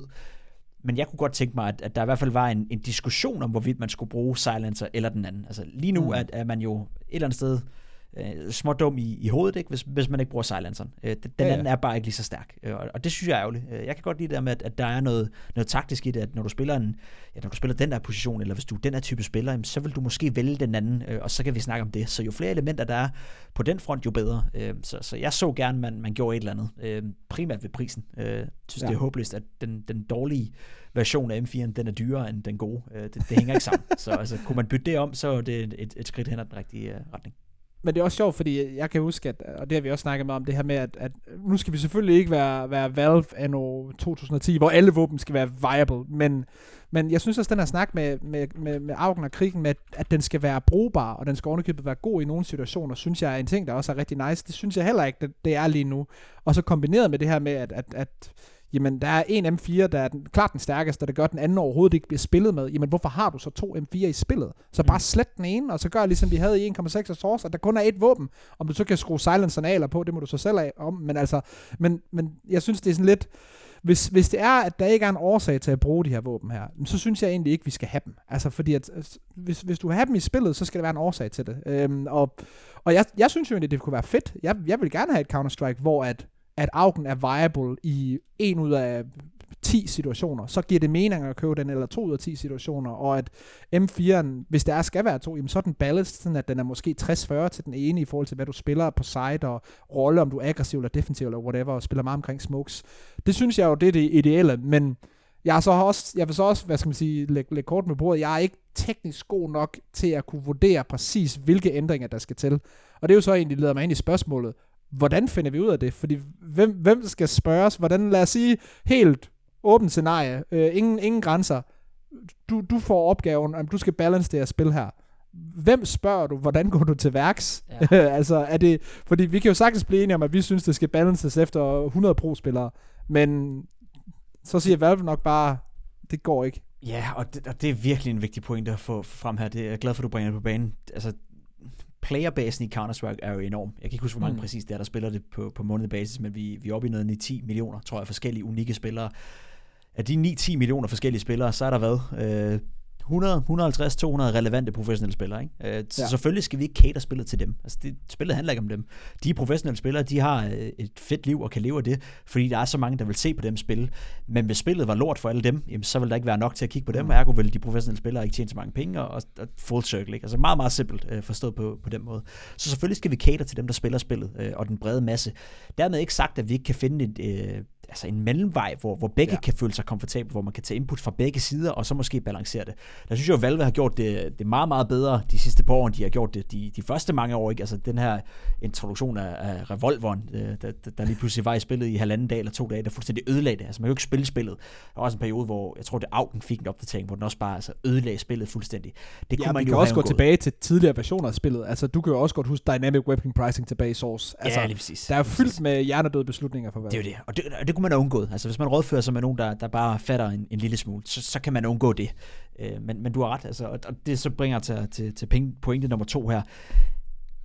Jeg vil ønske, at folk vil forstå det her, og det er måske svært at sætte sig ind i, men, men så kan fodboldkommentatorer måske øh, stå på mål for, for det for dem. Og, og nu gør jeg måske en masse, masse sure her, gør måske, måske øh, mig selv lidt upopulær. Men der er sagt med mange professionelle spillere, der ikke fatter en skid. Altså, de er ekstremt dygtige til at spille Counter-Strike. De er ekstremt dygtige til at, at indgå i hele det liv, men når det kommer til, til livets store spørgsmål, eller når det kommer til, til sådan nogle ting, hvor man skal være lidt nuanceret, når du skal kunne forstå spillet mm. fra en... Forestil dig, du har en stor badebold, ikke? Altså, du skal finde ud af, hvor er det svage punkt, hvor kan du punktere badebolden. Du bliver nødt til at kigge på hele bolden, du bliver nødt til at finde det svage punkt, du bliver nødt til at finde den syning, der er ved at gå op, for du kan sætte din kniv ind, eller sætte din nål ind, og, og for alvor gøre ondt. Der er rigtig mange, der ikke er i stand til at tænke sådan som professionelle spiller, ja. fordi det er det er ikke simpelt at være professionel, men, men så mange ting skal du heller ikke være god til, for at, at det lykkes for dig. Så det der med, at vi, vi per automatik nej, lytter til på de professionelle, øh, og, og også når mm. de professionelle er med på, på diverse podcasts og så videre, når de siger det, så er det sådan, det er. Ikke rigtigt. Altså, der, der, der mangler nogle nuancer tit ofte. Der er selvfølgelig også nogle, nogle af de nuværende professionelle, der, der gør sig rigtig godt. Øh, Cadian synes jeg er et godt eksempel ikke, på en spiller, der, der sagtens kan, kan begå sig på en broadcast, der sagtens kan mm. begå sig og, og formå at synge nuanceret. MBK er en anden og så videre, men, men det der med, at, at folk per default tror, at bare fordi nogen er, er, er specifikt gode til noget, så betyder det, at de også har svaret på, øh, på, hvor mange grader du skal vaske dit hvide tøj. Altså, der er vi ikke helt endnu, desværre. Der kommer vi nok heller aldrig. Øhm, så så det, er, det er også en vigtig del af pointen, at, at vi skal for helvede ikke lytte til mig. Altså, lad være med at lytte kun til mig. Lad være med at lytte kun til de professionelle. Mm. Lyt til alle. Altså, lyt til, til herre og fru Jensen, der spiller Counter-Strike sammen øh, en gang om ugen. Lyt til, til Toller og Jonas, der, der også spiller Counter-Strike en, en gang om ugen nede i juleklubben. Og så lyt til mig også. Og så kan du lave et, et samsurium og, og koge en gryderet op, der, der mm. så bliver til Counter-Strike. Det er der, vi skal hen af, fordi ellers så bliver det for meget uh, catering til os. Og for, og for lige for det første også at være enig med dig, altså øh, i forhold til det her med prospillerne, øh, man skal også tænke på, at det er jo også det samme i mange andre sportsgrene. Der er selvfølgelig altid, øh, hvad skal man sige, undtagelser til reglen. Men når du skal fokusere så meget af din hjerne og så meget af din tid på at blive god til en meget specifik sportsgren, så er der altså ikke overskud eller flere timer til at lave alt muligt andet. Det er også derfor, vi ser mange, især fodboldspillere i, i blandt andet England, i, i Premier League og det, hvad skal man sige, niveau deromkring, at de, de mangler bare nogle, hvad skal man sige, nogle, nogle ting og nogle forståelser i livet. Der var jo hele den her sag her, jeg kan ikke huske, der var det Zuma, han hed, der sparkede til sin kat og sådan noget. Altså, han har nok bare aldrig været i en situation, hvor der er nogen, der har fortalt ham, at det ikke er i orden. Altså, der er tusind andre ting, der også er værre end det, og så videre, og så videre. Vi dealer stadigvæk med racisme. Men det var bare lige sådan en ting, hvor jeg tænker sådan, mm, der er bare aldrig nogen, der har sagt det til ham. Altså, fordi han har bare spillet fodbold. Og det er det eneste, han har været fokuseret på. Så, så vi er også i en situation, hvor at der, der er spillere, der er vanvittigt gode til Counter-Strike, men fordi de er så vanvittigt gode til Counter-Strike og har 120 timer over to uger de sidste fire år, jamen så har de ikke haft tid til andet. De har ikke taget en, en uddannelse, de har ikke været ude i, i samfundet og, og lært tingene på, på den hårde måde. Øh, det har selvfølgelig været super hårdt at grinde alle de DM-timer og sådan noget, det siger jeg ikke, det ikke har. Mm. Men når du bliver ekstremt god til en specifik ting, så skal du være nærmest idiot for ikke at forestille dig, at der er nogle andre ting, du simpelthen ikke får med. Altså, der er nogle ting, du ikke lærer. Og, og det er jo bare sådan, det er at være menneske, der vælger du, hvad du, hvad du fokuserer på. Og der er Counter-Strike-spillerne, der valgt at fokusere på Counter-Strike. Så er der nogen, og der er du ret, der faktisk på en eller anden mærkværdig måde har fornået, formået at, at lære flere ting end bare at spille Counter-Strike. Og dem skal vi selvfølgelig være glade for, at, at vi har os. Men, men jeg er bare lige for at være enig med dig. Og øh, så må folk også være sure på mig, hvis det er. Der er altså virkelig en masse ja, CS Pro sådan, og sådan er det jo i alle. Altså sådan er det også med håndboldspillere og fodboldspillere og volleyballspillere. Ja, ja. Altså, der, der er forskellige typer mennesker, og, og fred være med det. Der er, også, altså, der er også rigtig mange fodboldspillere, der ingen interesse har i at skal stå closer på tv'et før efter ja. en kamp. Og helt fair. Altså det, vi er også, jeg selv inklusive, vi er det forfærdelige at høre på en gang imellem. Det, det står det hurtigt inden for selv. Så, så det er jo ikke fordi, der er nogen, der er bedre end andre, men, men det er bare den her det, det her stigma med, at der er så mange øh, casual spillere, så mange, du ved, bred befolkning, der bare per mm. automatik tror, at når fordi han er professionel, så må han vide alt, og så ved han også, hvordan man skal gøre sådan, og han ved også, der er vi bare ikke, øh, og der kommer mm. vi heller aldrig, og der skal man sørge for at kunne, kunne adskille tingene, og det, det synes jeg bare er en, ja, i hvert fald for mig en, en vigtig pointe, fordi det, det er noget af det, der sådan påvirker min dagligdag, kan man sige, og mit ja. daglige virke, så, så det synes jeg er færdigt at, ja, for, for kastet op på, nu kaster jeg op på, på mikrofonen i stedet for på keyboardet, kan man sige, og det, det fungerer også fint. det er også fint. En anden ting i forhold til, til, til dit liv og din dagligdag, nu har du, hvad skal man sige, øh, din stream, som selvfølgelig er, er, er, er din hovedfokus. Du, du arbejder på, på TV2 øh, her nu, og du har også haft rigtig mange dage på, på de internationale, internationale broadcast og så videre. Og det er en, en, en snak, som jeg egentlig gerne vil have, en snak, som du højst sandsynligt har haft før, men, men, mm-hmm. men det her med, hvordan din, din karriere har udviklet sig, og hvordan det har været, fordi du startede, hvad skal man sige, som spiller, bevæget dig over og lavet meget en, engelsk analystarbejde. Det kan jeg jo huske sjovt nok, fordi jeg har været til de samme events, da du startede og lige kom ind over. Der kommenterede jeg stadigvæk også på engelsk. Du har, hvad skal man sige, begyndt det her med streaminglivet, og, og nu er du i en situation, hvor du har, jeg gætter på, balanceret det, som du gerne vil have det, øh, så du ikke rejser så meget, så du har lidt mere tid derhjemme og så videre. Men, men generelt, hvordan er, hvordan, hvordan er livet som pimp nu, og hvordan ser du tilbage på det, altså i forhold til de ændringer, du har lavet? Hvorfor har du lavet dem? Ja, det, altså livet lige nu er, er okay, øh, vil jeg sige. Øh, man, man skal jo lære det, som du siger også. Øh, i, I starten var, var det rigtig meget, og for meget rejs, øh, rejsen også. Mm. Og det handlede om, at i starten skulle jeg jo etablere mig, som du siger også, som, som engelsk øh, ekspert. Jamen, du, du har nogle konkurrenter, du har nogle turneringer, der, der måske foretrækker nogle andre, og, og for ligesom at at byde dig til, jamen så, så gør du også en ekstra indsats. Så når du er afsted, så ja. er det ekstra hårdt, øh, og du siger måske ja til turneringer, andre vil sige nej til, øh, og, og mm. du, du yder en ekstra indsats. Så, så det var hårdt i begyndelsen. Så fandt jeg egentlig et, et, et godt moment, synes jeg, hvor at jeg, jeg havde arbejdet mig op i en position, hvor jeg havde lavet nogle majors, jeg havde lavet noget øh, Cologne og Katowice, og, og var bredt anerkendt som værende en af de, lad os sige, førende inden for feltet. Ikke? Øh, og, og der får man også en, en vis form for frihed, så kan man måske begynde at sige nej til nogle af de mindre turneringer osv. Ja. Øh, og så kom der, der den her... Øh, forbandet bitch, øh, kaldet corona, øh, der, der ja. ligesom fik lukket ned for, for hele lortet. Øh, og det var egentlig, da jeg sådan endelig inden for, jeg havde haft to år i streg med, med 240 rejsedage, hvilket er fuldstændig ulideligt. Øh, det bliver mm. det i hvert fald med tiden. Så kom corona, og det betyder nul rejsedag, øh, i hvert fald lige for en periode. Og så skulle jeg finde på noget nyt. Mm. Og så begyndte jeg at streame helt vildt, øh, og byggede en stream op, og, og det var fedt. Jeg, jeg nød det helt enormt meget, det gør jeg stadigvæk, men, men specielt den opstartsperiode, hvor man bare grinder derud af, ja. og virkelig er topmotiveret. Ikke? Altså, alle kender det. Der er, der er noget fantastisk eller... ved det. Altså ligegyldigt, hvad det er, man laver, den her startperiode, ja, hvor præcis. alt bare kører. Altså, det kan ja. Man der er noget honeymoon-periode over det, ikke? Altså, mm. kæresten er også bare sjovere at, at hugge i de første to måneder, og så videre, ikke? For at sige det rent udsagt, ikke? Ej, det, er, det bare roligt, bare roligt. Du må ja. gerne sige sådan noget. Du må også gerne bande, hvis du har lyst til det. Det kan også være, vi biber det ud, så jeg ikke kommer i problemer hjemme. men, øh, men, men sådan er det. Altså, der, der er den her honeymoon-periode, og det var jo mega fedt. Øh, det, var, det var super, super fedt. Øh, så blev det hverdag, ikke? Øh, og så, så blev corona alt. også en, en, det, det, og så blev corona også en ting, hvor, hvor vi kunne håndtere det. Så skulle jeg lige pludselig til at rejse igen. Øh, samtidig med, at nu havde jeg jo bygget et stream op, hvor jeg, det var et eller andet sted i hvert fald, altså jeg var min egen boss, kan man sige, men, men for mig selv af var det påkrævet. Jeg skulle i hvert fald streame fem gange om ugen, også gerne seks, og, og på en god uge syv. Ikke? Øh, samtidig med, at jeg så også skal stå otte timer på, på en tv-skærm hver dag. Og så kom jeg jo lige pludselig et problem, hvor at, at jeg havde signet op til to fuldtidsjob, eller det der svarer til, til to og et halvt fuldtidsjob på samme mm. tid. Øh, og sådan har jeg jo sådan set levet mit liv de sidste jamen, år, ikke? efter corona sådan er, er blevet noget, vi, vi kan håndtere. Vi rejser nu, øh, mm. så hver gang jeg er afsted, jamen, så sidder jeg på et hotelværelse og streamer, før jeg møder ind, eller streamer efter jeg er færdig. Jeg har haft dage på Blast, øh, hvor jeg mødte ind klokken 9 om morgenen, gået fra Blast-studiet klokken 10, og så sat mig til at streame klokken halv 11 til klokken 2 om natten, for så at stoppe igen klokken 8 næste morgen og være klar til endnu en dag på Blast. Og det er jo ikke mm. sundt, altså sådan skal det ikke være.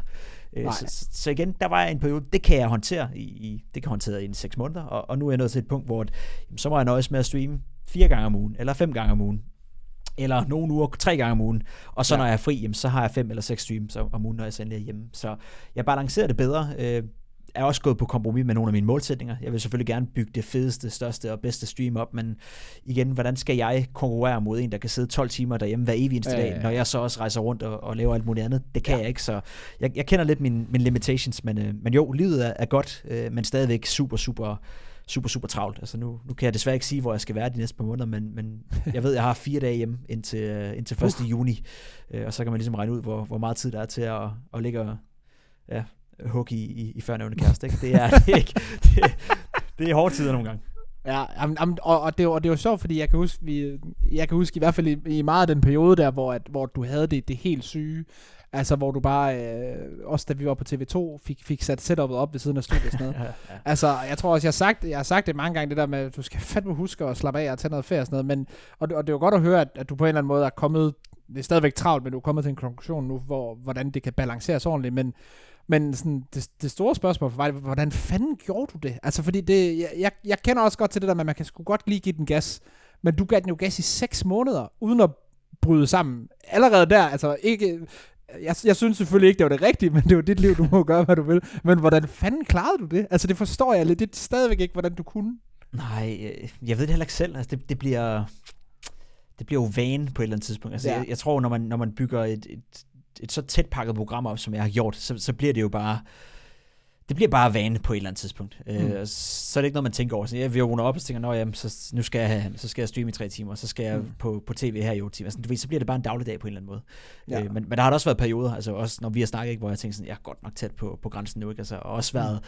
flyttet med stress og, og alle de her negative ting, øh, ting, der ikke er sunde. Så når du har stillet spørgsmålstegn, og når du tænker sådan nogle tanker, så, så er du helt øh, det er helt legitimt at gøre, fordi det har ikke altid været sundt, det har ikke altid været godt øh, for mig, øh, men, men jeg har må, måske bare formået at, at holde så stram en linje, uden at, at knække over, øh, at, at, at det er blevet så det er blevet så normalt for mig, at, at nu tænker jeg ikke så meget over det. Øh, okay. Men det har også noget at gøre med, at som du siger, jeg er blevet bedre. Ikke? Altså, jeg, sidste sommer tog jeg min første sommerferie i tre år. Altså, jeg, jeg var streamet ja, ikke i otte dage øh, for første gang, eller lavede ikke noget arbejdsrelateret i otte dage straight for første gang i, i tre år. Øh, så, så jeg er blevet bedre til at tage pauserne øh, og nyde pauserne. Jeg er også blevet bedre til det her med at... Altså, hvis jeg vågner op en dag, og jeg kan mærke, fuck, jeg er træt. Altså, jeg har det ikke, jeg har det ikke super godt i dag. Øh, så har jeg ikke lyst til at sætte mig ind på kontoret og skal sidde og underholde folk og være glad og være op og køre osv. Og, øh, og det har jeg jo gjort, uagtet, øh, førhen. Og, og det kræver bare ekstremt meget energi, det kræver ekstremt meget fokus, og man er altid fuldstændig balleret efter sådan en stream, ja. hvor man, man har det personligt måske ikke særlig godt, men du skal stadig være på, fordi ellers gider folk jo ikke se dig. De kommer ind for at, at få en god tid øh, og have det hyggeligt, og, og det er jo også fair, men, men det, som person kan man bare ikke altid være der 100%, så mm. der er blevet bedre til at tage de der fridage en gang imellem, og så sige, okay, så, så har jeg måske bare det færre subscribers, og så tjener jeg det færre penge, og, ja, ja. og så, så er det det. Øh, så, så jeg er blevet bedre til at balancere det. Jeg vil sige, jeg er blevet mere moden i, i mit arbejdsliv. Ja, og nu, nu skal det selvfølgelig ikke, ikke handle om penge, øh, og, og jeg ved også, du tjener en del mere, end jeg nogensinde har gjort, men det var i hvert fald en af de ting, jeg fandt ud af i, i, i nogle af de år, i løbet af de sidste par år, hvor jeg har tjent de fleste penge, jeg nogensinde har tjent i hele mit liv, hvor jeg fandt ud af, at der var en upper limit på, hvornår pengene gav mig mere, øh, hvor det simpelthen var det her med at lave livsbalancen, der, der blev vigtigere lige pludselig. Ja. Øhm, og, det tror jeg også er, er, er vigtigt. Der er selvfølgelig nogen, der er mere motiveret af, af penge end andre, og, og fedt for dem, der kan, der kan bruge det. Men, men jeg tror i hvert fald også, at på et eller andet tidspunkt, så, så er der for alle mennesker, så når man til et eller andet sted, hvor at nu er det, nu er det balancen, der er mere vigtig. Og det er jo, det er jo super at høre, fordi der er, der er nogle mennesker, jeg har venner både i den ene og den anden afdeling, der er nogen, der overhovedet ikke kan, kan kan lære noget og, og, hvad skal man sige, ødelægger sig selv, og så er der dem, der lærer ting ved at, ved at prøve grænserne af og finde ud af, jeg kan gå hertil, nu ved jeg, hvor grænsen er, og så går man ikke derhen igen. Og det lyder til, at det, du er lidt den anden type der, med, at du, du finder ud af præcis, hvor meget du kan holde til, og, og så, hvad skal man sige, så, så bukker du af på et eller andet tidspunkt, i stedet for at gå fuldstændig amok, fordi at, at det der er jo nogen, der gør den anden vej, altså så finder de grænsen, og så kan de måske godt mærke det, og så går de over den. Og det lyder i hvert fald til, at du måske har fundet den, og så kan balancere det inden for den, hvilket er super nice, fordi det er jo en, en, en fed ting at have, bare som menneske at vide, hvor det er, man kan gå til. Det er det. Og om, jeg, jeg er nok typen, der, der skal, altså jeg skal nok lige flytte lidt med grænsen, mm. øh, før, før jeg forstår det. Øh, men, men ja, og, og som du siger, jeg, jeg tror også, det har noget med alder at gøre. Ikke? Altså jeg startede tidligt, stoppede ja. min professionelle karriere som 21-årig. Det er jo, det er jo helt fucked i sig selv, ikke? øh, at, at sige havde, havde spillet professionelt siden jeg var 15 år gammel. Øh, ja. ja, 22 var måske. Øh, og, jeg har stadig meget energi, ikke? men jeg kan også godt mærke, at jo ældre jeg bliver, jo mindre lyst har jeg til at, at, at ofre det hele. Altså, jeg har gået glip af mm. min nervøs fødselsdag tre år streg. Øh, her, øh, 9. april er, er første gang, jeg kommer til at deltage til min nervøs fødselsdag. Altså, det, det, er jo fedt, ja, men, men også altså, sørgeligt et eller andet Jeg kan ja. godt forstå, at folk tænker, kæft, hvor er du en, en klaphat. Altså, og, og fair nok, hvis, hvis det er sådan, du tænker omkring det. Det er... Øh, det er hårdt, øh, men, men man kommer bare ikke, øh, altså man, man, man excellerer ikke i, i en konkurrencepræget øh, situation, som jeg har været i, både som spiller, men også som, som mm. kommentator, hvis man ikke er villig til at ofre noget. Øh, og, Lige præcis. Og, og der har jeg offret måske lidt for meget, og, og så kan jeg i fremtiden ofre lidt mindre, og, og så må mit, øh, min, min personlige ambitioner så også altså, blive, blive fastsat derefter, øh, hvis, hvis det skal være på den måde det tror jeg også er en meget normal ting at gøre, når man, når man bliver lidt ældre. Det kan jeg også godt mærke på mig selv. Altså, nu er, nu er jeg fylder 30 år, og bare fra 25 til 30 er der sket, hvad skal man sige, en stor, hvad skal man sige, ændring i, hvad der er vigtigt, og hvordan man håndterer ting og sådan noget. Så det tror jeg også er en, er en naturlig ting. En ting, som, som også har noget med fremtiden at gøre, det er jo, at, at nu er jeg jo ikke på, på, på fjernsyn længere, men, men det er du stadigvæk, og TV2 har lavet den her deal her med, med dækning af den danske liga, hvilket jeg personligt er rigtig glad for, fordi det føler jeg er, er vigtigt både for, for, for TV2, øh, men egentlig også for den danske liga, ja. at, at der kommer noget, noget seriøs dækning, og jeg er jo ikke ansat længere, men jeg kan jo hurtigt sige, at den dækning, der har været på DR, den har været skrald, så øh, nu håber jeg jo, at, at, at I tager over. Nu ved jeg ikke, om du kommer til at være på, når der skal dækkes Power igen, men det kan man jo kun håbe på. Øh, men men det, jeg synes, det er en fed ting, og også en sjov ting at snakke om det her med, øh, at få måske lidt insight. Nu, nu, nu arbejder du der ikke hver dag, men du er stadigvæk en del af TV2. Der kommer den her edition på med, med Power League og hvordan, hvad skal man sige, TV2 er i 2022. Hvor er det hen nu? Fordi det har jo allerede taget lidt, lidt en ændring i forhold til, at nu bliver der sendt lidt mere med engelsk kommentering. Der er ikke så hårdt load på dem i studiet. Der, bliver, der kommer nogle mindre danske turneringer og sådan noget. Hvor, øh, hvor, hvor, hvor, står, hvor står TV2 hen, og hvor tænker du, det kommer til at gå hen af det næste stykke tid? Det er et godt spørgsmål. Øh, der er ikke nogen nu ved jeg også godt, du ved jo heller ikke alting. Det kan jeg også nej, godt nej, det, det, det, det, det, det, det, men altså, det, hvad siger man, der er ikke nogen tvivl om, at, at TV2 for, for et år siden, eller to år siden, der havde vi vores, vores kronede dage. Ikke? Altså, der var flere seere, der var mere hype omkring det. Astralis var i, i topform, mm. vandt majors til højre og venstre. Det er klart, det hjælper. Øh, se på landsholdet øh, i fodbold. Ikke? Altså, der var også lange perioder, ikke? hvor at, mm. hvis der var 15.000 i parken til en venskabskamp, så var man glad. Ikke? Og, og nu i aften, der snakker vi om, øh, spiller mod, mod Serbien i aften på, mm. på dagen, vi optager her. Ikke? Altså, der snakker vi om, at, at der er udsolgt parken for første gang nogensinde øh, til, en, til en venskabskamp i, i rigtig, rigtig mange år. Hvilket er vanvittigt. Øh, men, men sådan er det også lidt med Counter-Strike. Når det går godt, jamen, så er der flere øjne, der kigger. Der er flere, der synes, det er sjovt. Øh, der er flere, der vil hæppe med. Der er flere, der vil se med. Og når det går skidt, jamen, så, øh, så falder interessen. Øh, og mm. det kan vi mærke på, på TV2, det kan Astralis mærke, det kan alle mærke lige nu. Øh, Astralis er måske det værste sted, de nogensinde har været som, som hold og som, som klub lige nu. Øh, Heroic, jo, de spiller fint, men har aldrig rigtig været en fanfavorit af, af mange forskellige årsager. Der mangler noget personlighed, der mangler noget, noget at, at forholde sig til som fan. Øh, og, og så er danskerne ellers spredt godt ud på, på mange andre dygtige hold, men, men det er svært sådan for alvor at engagere sig i, i, i dansk Counter-Strike, på samme måde, som man gjorde, da, da Astralis var på sit mm. bedste. Så det lider TV2 også under. Øh, faldende seertal, øh, mindre interesse, og, og det er jo en forretning, og det glemmer folk også nogle gange. At det er jo klart, ja. for TV2, altså, de vil elske, er jeg sikker på, at sende Counter-Strike fra nu af, og så de næste 40 år frem, hvis, hvis der stadig var Counter-Strike, men det skal også være noget, der giver mening for dem forretningsmæssigt. Der skal være nok øjne, der kigger, der skal være nok, der ja, ser reklamerne før og efter. Ikke? Det, det skal give mening. Øh, det koster meget at, at producere. Ikke? Øh, du kender Jamen, det også præcis. med, med tv, tv, men altså, det er jo ikke bare os tre, der står og snakker. Øh, der er også et studie, det koster penge. Der sidder også en helvedes masse folk bagved og trykker på en, en helvedes masse knapper, øh, som vi ikke forstår en skid af. Det koster mm. også penge, og så videre, så videre. Så det, Men det er også en af de ting, som jeg tror, at, at, at, at folk måske nogle gange glemmer lidt det her med, at og der kan jeg så også lige lidt fra, fra noget af det internt, da vi var ved DR, fordi der var en årsag til, at DR stoppede, da TV2 de købte rettighederne. Og, og DR har jo altid ment, og det sagde de også, da vi startede med dem, at vi dækker en sport, indtil den bliver så stor, at de større kommercielle partnere kan tage over. Dem, der rent faktisk betaler for rettighederne, dem, der rent faktisk går ind og, og, og laver en, en, en mere fasttømret dækning.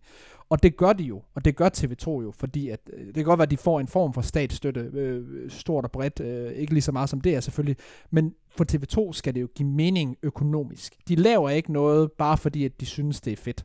Og, og, og det kan måske lyde lidt hårdt, men det er jo sådan, alle virksomheder er. Hvis TV2 dækker Counter-Strike, så er det fordi, at de føler, at der er nok seere til at se det, til de giver mening at lave det. Og det sekund, det ikke gør det, så, så revurderer de det sikkert. Øh, det er dækket jo ikke Counter-Strike, fordi at, at, at det tjente dem penge. De dækkede Counter-Strike, fordi der var en eller anden chef, der havde set, det er der sgu mange unge, der kan lide. Vi prøver at rykke et eller andet på det, vi ved ikke, om det bliver godt eller ej. Og det har DR statsstøtten til, at de ligesom kan gøre. TV2 er ikke opbygget på den måde, så man skal heller ikke sidde og sådan og tænke, altså, de, de, de gør det bare for at være flinke, og derfor skal man også forstå, at det rent faktisk er ret vigtigt, at man kigger med. Altså, det er jo, det er jo produktet bliver jo ikke vurderet på, om Pimp gør sit arbejde godt.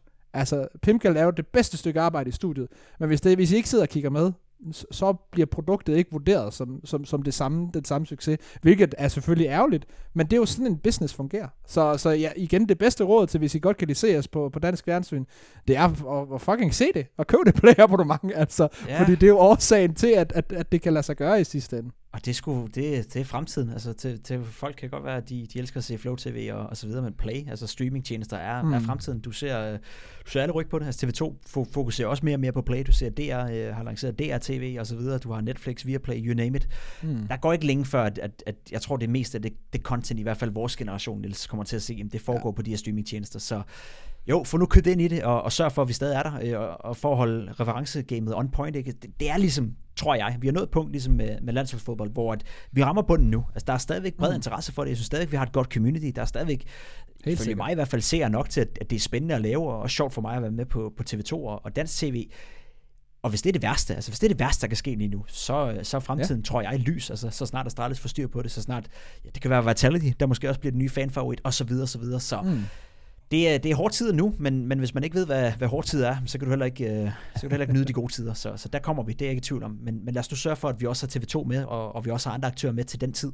Det er klart, at TV2 kan jo ikke overleve, hvis, hvis det her det er interessen, og den bliver ved med at være dalende, og ved med at være mm. faldende mm. over de næste to år. Men jeg tror også, at, at dem, der sidder med, med beslutningerne hos TV2, de er kloge nok til at vide, at, at det er ikke fedt at være dem, der misser det, hvis Astralis lige pludselig Nej. om et halvt år eller et år er verdens bedste igen. Øh, fordi så har vi jo vist en gang, at interessen for, for Counter-Strike, og specielt når vi i arena, altså Royal Arena, Niels, vi har været der selv, et mm. par gange. Det er jo... Ja, ja. Det er jo det bare fedt. Altså, det, det er jo bare det vildeste. Det er jo som en fyldt pakken, øh, og, og mere mm. til, synes jeg også, når det kommer til, til Counter-Strike. Så det vil man ikke misse ud på. Ja, og husk at, at følge med så, hvad skal man sige, når der også bliver lavet de, de lidt mindre ting, øh, om mm. det så er på play, eller, eller nu er vi jo så heldige, hvad skal man sige, i, i min situation, at, at Power League's finaler bliver sendt på, på TV2 Zulu, ikke? Altså når det kommer de her lidt mindre turneringer, fordi det, det er jo også, man bliver ikke kun målt på rekorden, når man slår seertallene, man bliver altså også målt på, hvor, hvor, hvordan det er på den dårligste dag. Og det er derfor, jeg synes, det er super spændende det her med, at, at der bliver taget nogle lidt mindre turneringer. Og jeg mener så også, at TV2 har gjort det rigtigt. I stedet for at sende turneringer, der måske har det højere niveau i den mindre status, så vælger de så der, hvor at der er danskere med. Fordi det er også det, vi hurtigt kan forholde os til. Altså, vi kan forholde os til en dansk liga, hvor alle hold er danske. Vi kan forholde os til et blast showdown, hvor niveauet måske ikke er super højt, men der er super mange danskere med, vi kan få lov til at se Copenhagen Flames osv. osv., osv.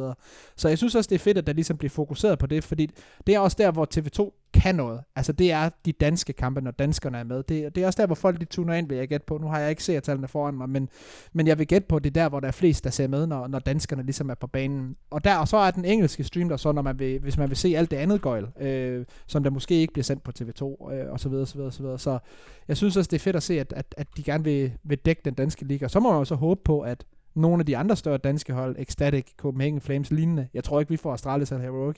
Men at de begynder at engagere sig i den danske liga, fordi at så kan vi få et højere niveau, og vi kan ligesom vise, at, at produktet dansk series også kan noget i sig selv. Helt enig, helt enig. Jeg, jeg tror øh, også med, med Powerligaen for at komme full circle. Ikke? Altså det, det er græsrødderne, ikke? det er jo det der, hvor det starter. At det der yes. med, at vi får bygget en, det, det kan du specielt med, med trickballer øh, virkelig øh, være, være tilfreds med. Det her med, at der, der lige pludselig er noget. Der er anden division, der er første division, der er mm. Superliga, a.k.a. Powerliga, ikke? og fra der sender du spillerne videre ud i den store ja, verden. Præcis. Over spille noget Premier League, over spille noget La Liga, for at holde det i, i fodboldtermer. Ikke?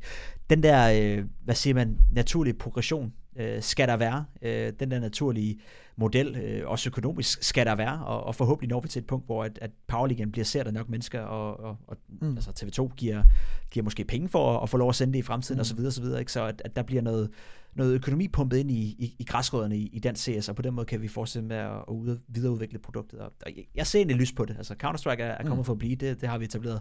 Der er stadig flere og flere, der spiller, der er stadigvæk flere der, og flere, mm. der ser med. Det er, øh, uden tvivl den bedste e-sport, der er, øh, fordi den er nem at gå til. Altså her fra Danmark øh, kan se den. Øh, er du 60 år gammel og har aldrig set noget computerspil før, så er Counter-Strike trods alt nemmere at, at forstå ja. end League of Legends eller Dota, eller hvad fanden det ellers hedder. Call of Duty, hvor du hopper rundt på bygninger og leger Spider-Man. Ikke? Det, er, det er relativt simpelt stadigvæk Counter-Strike, øh, samtidig med, at det, det holder det holder en, en vis form for, for modernitet i, i 2022, så mm. jeg, jeg er sikker på, at Counter-Strike nok skal bestå. Så er spørgsmålet bare, hvem der vil, vil være med på toget øh, om, om fem år også. En anden, øh, en anden sjov ting, jeg, jeg kan huske, jeg skålede selvfølgelig lige igennem, igennem dit Twitter-feed, øh, inden, inden den her optagelse her, den, den skulle begynde. Og en af de sjove ting, som jeg, som jeg så, du tweetede om for et stykke tid tilbage, det var, at du sad og legede lidt med tankerne om, hvis man skulle sammensætte det bedste danske hold, og det er selvfølgelig i forhold til, til de her Vitality-spillere frem og tilbage og så videre. Men, men det var et ret sjovt tweet, og, og jeg tænker, vi laver samme tankeeksperiment her nu. Jamen altså, lad os sige, du GM for, øh, for Pimps Counter-Strike Org. I har lige fået 250 millioner dollars pumpet ind. Altså, du kan lave det bedste hold i verden. Der er ingen limits, udover at det skal være dansk for ren fanstøtten. Der, okay. der er ikke nogen buyouts, der gælder. Du kan lave lige præcis det hold, du vil, men det skal også kunne fungere, fordi det er det, det, jeg, jeg føler lidt, at folk de misser, når de laver sådan nogle, i hvert fald der, derhjemme, når de laver sådan nogle lineups. Det her det er mit drømme lineup. Det er, at det kan jo ikke fungere i virkeligheden. Så har de to AVP-spillere, eller øh, to entry-spillere, eller to spillere, vi ved har nogle personligheder, der gør, at de ikke vil kunne fungere sammen med den anden. Men hvis du realistisk skulle ind og lave dit bedste hold, dit bedste danske hold, hvem, hvilke fem spillere vil du så vælge, og hvorfor og hvordan? Godt, godt, godt, godt, godt spørgsmål. øhm, leger vi med tesen om, at Device øh, kommer sig og er tilbage ja. på toppen om halvt år? Ja, det gør vi. Ja. Godt, så er han selv skrevet på, på line-up'et. Øh, ikke nogen tvivl der. Øh, Danmarks bedste spiller gennem, gennem tiden, og, og stadigvæk spiller, der, der kan gøre forskellen. Og også den eneste, synes jeg, i, i Danmark, der har evnerne med VP'en til sådan for alvor ja. og, og kæmpe med, hvor det er sjovt. Så, så lad os sige, at Device han er tilbage om et par måneder, og er tilbage og frisk, så, så er han selvfølgelig selv skrevet til holdet. Øh, så vil jeg starte med at smide Valde på holdet øh, mm. som, øh, som min, min riffel, øh, alt mulig mand. En spiller, der kan spille mange forskellige positioner. En spiller, der ikke er bleg for at tage ja, nogle af de lidt mindre sexede positioner. Øh, offre sig gerne. Øh, gør det, der er bedst for holdet. Øh, har for nylig også udgivet et interview med HLTV, hvor han sådan virkelig øh, får lov at brænde igennem med den personlighed, jeg i hvert fald godt vidste, han havde. Altså det her med at vinde, ja. det betyder mere end at se godt ud selv. Øh, til trods for det, jamen, så ser han godt ud, øh, både mm. fysisk og på serveren. Er virkelig en dygtig, dygtig spiller. Altså der er, der er sat med få hold, øh, der ikke vil kunne gøre brug af, af ham på serveren. Både mm. internationalt og, og dansk. Så, så han vil næsten Enig. være min, min næste mand på holdkortet, for at være helt ærlig. Øh, så, så du har det så du har Valde, og der er du allerede nået et, et godt stykke. Så vil jeg, start. Ja, så vil jeg smide Blame FN også. Øh, jeg synes virkelig, han har vist sit værd i Astralis. Altså, det her med, at han har været in-game leader, uden rigtig at være in-game leader i Complexity, øh, holdt et, et ekstremt højt individuelt niveau, kom over i Astralis. Man kan godt lidt forestille sig, at det er en stor omvæltning. Vi så, hvordan det gik med Config også. Øh, startede mm. godt ud, faldt fuldstændig igennem, kom lidt tilbage og så videre. Blev med for bare holdt ekstremt højt niveau fra dag et. Han er mm. en, øh, en verdensklasse Counter-Strike-spiller.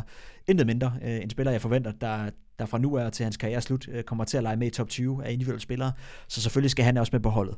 Spørgsmålet er, om du vil satse på ham som in-game leader, altså du mm. vil sige, okay, så producerer du det mindre som individuel, øh, så er du in-game leader. Jeg synes personligt ikke selv, han er øh, han er ikke god nok til at konkurrere med de bedste leaders i verden, men han er god. Nej. Det er der ikke nogen tvivl om. Så, så det handler om, hvad, hvad dit ambitionsniveau er her. Jeg vil nok have ham til at, at være min riffelspiller, den defensive riffelspiller, ham der kan få ja. lov at løbe lidt, ham der kan få lov at, ja, nogen kalder ham BDF, det synes jeg ikke, han gør, men, men ham der kan få lov at spille en lidt mere passiv riffelrolle. Øhm, har du de tre, så vil jeg også smide Config på holdet. Øh, som, ja. som aggressiv riffel, der er han den bedste, Danmark har at byde på. Øh, det kan godt være, ja, kaos og, og triver, trives godt i kaos. Ikke? Mm. Specielt når du har en, en så afbalanceret spiller som Valde og, og Device, mm. og, og blive med for den til skyld også ved siden af dig, så har du brug for noget af det x-faktor. Du har brug for en spiller, der kan være ja, irriterende, der kan gøre det uortodoxe, der kan gøre det dumme og få det til at lykkes mm. alligevel. Øh, så, så han er selvskrevet også for mig. Til trods for, at han har nogle udsving, øh, mm. så, så er han en, en verdensklasse spiller.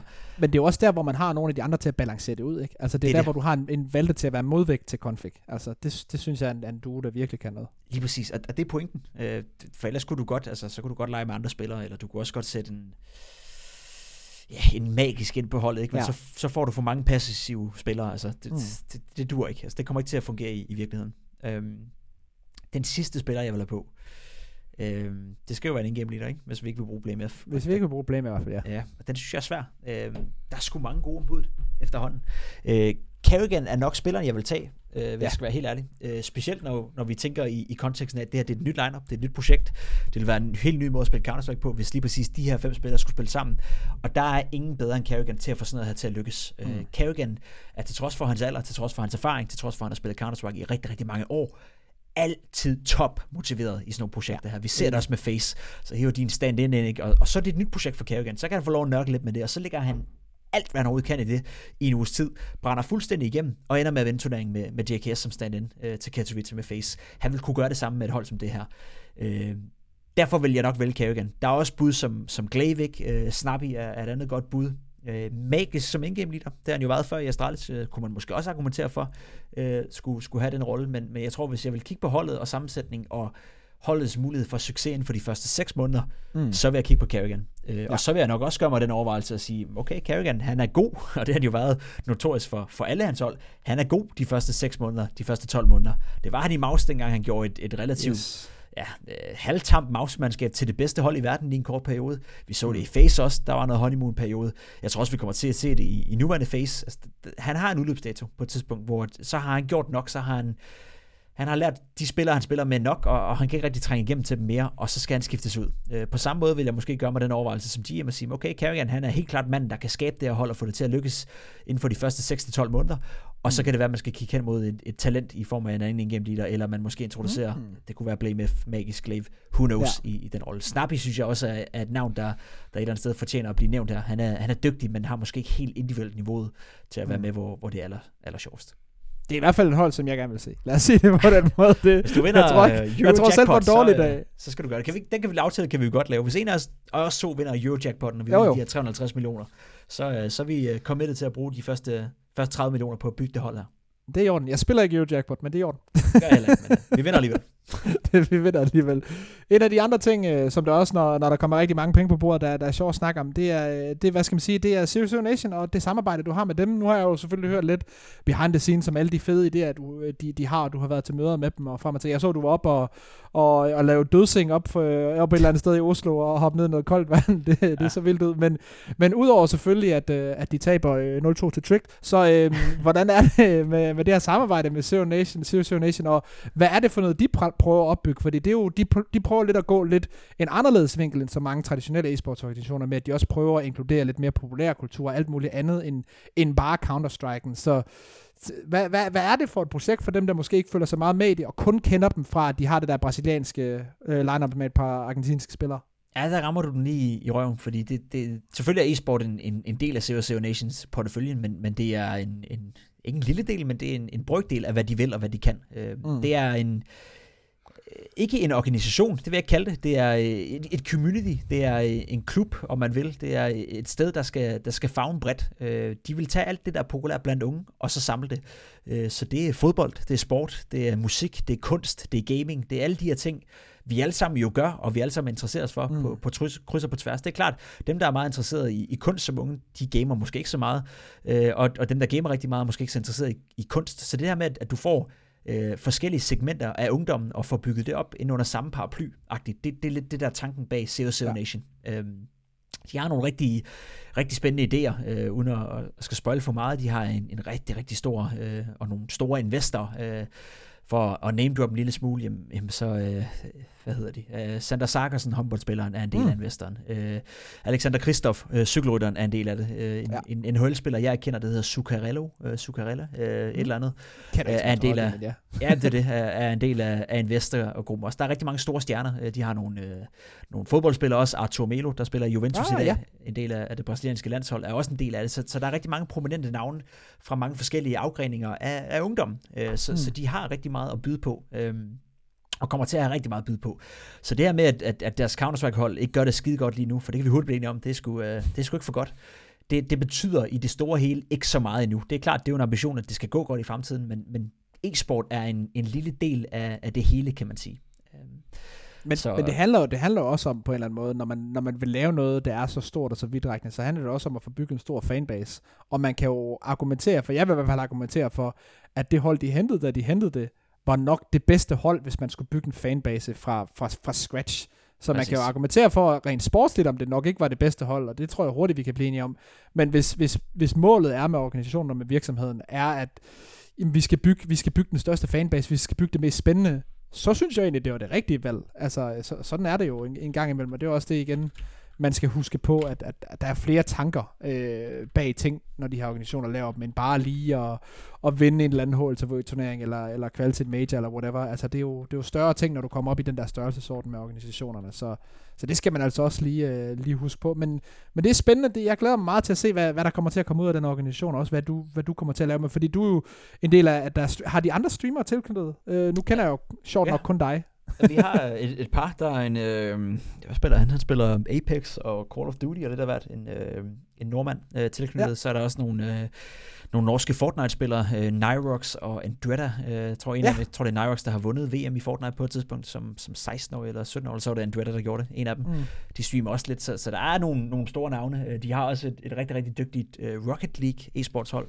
Ja. Uh, et dygtigt... Uh, Rainbow Six Siege hold, øh, mm. de også lige har signet. Øh, så, så det kører egentlig også e-sportsmæssigt for alle andre end CS lige nu, for at være, være helt ærlig. Så, så jo, der, kommer, der kommer til at ske en masse, men, men jo, det bliver, det bliver så meget mere end det. Altså, der, jeg glæder mig, hvis vi havde den her snak, det kan være, at vi skal måske optage en, en episode om, om det kan vi eller tre, så, øh, så kan jeg fortælle meget mere, øh, og der kommer til at ske meget mere. Det bliver også sådan noget, hvor almindelige danskere øh, kan være involveret i det, øh, på den ene eller på den anden måde. Øh, for at tease lidt, så... Øh, så synes jeg, man skal overveje, at man, man ikke skal spille noget Crash Bandicoot, øh, uh. eller noget Mario Kart på, på sin Playstation eller Xbox. Øh, fordi hvis man bliver rigtig god til det, ja, ja. så kunne det være, der, der åbner sig en, en fed mulighed eller tre for at møde nogle rigtig fede mennesker, og måske for at vinde en lille skies eller to også, øh, og, og så okay. ikke sagt for meget.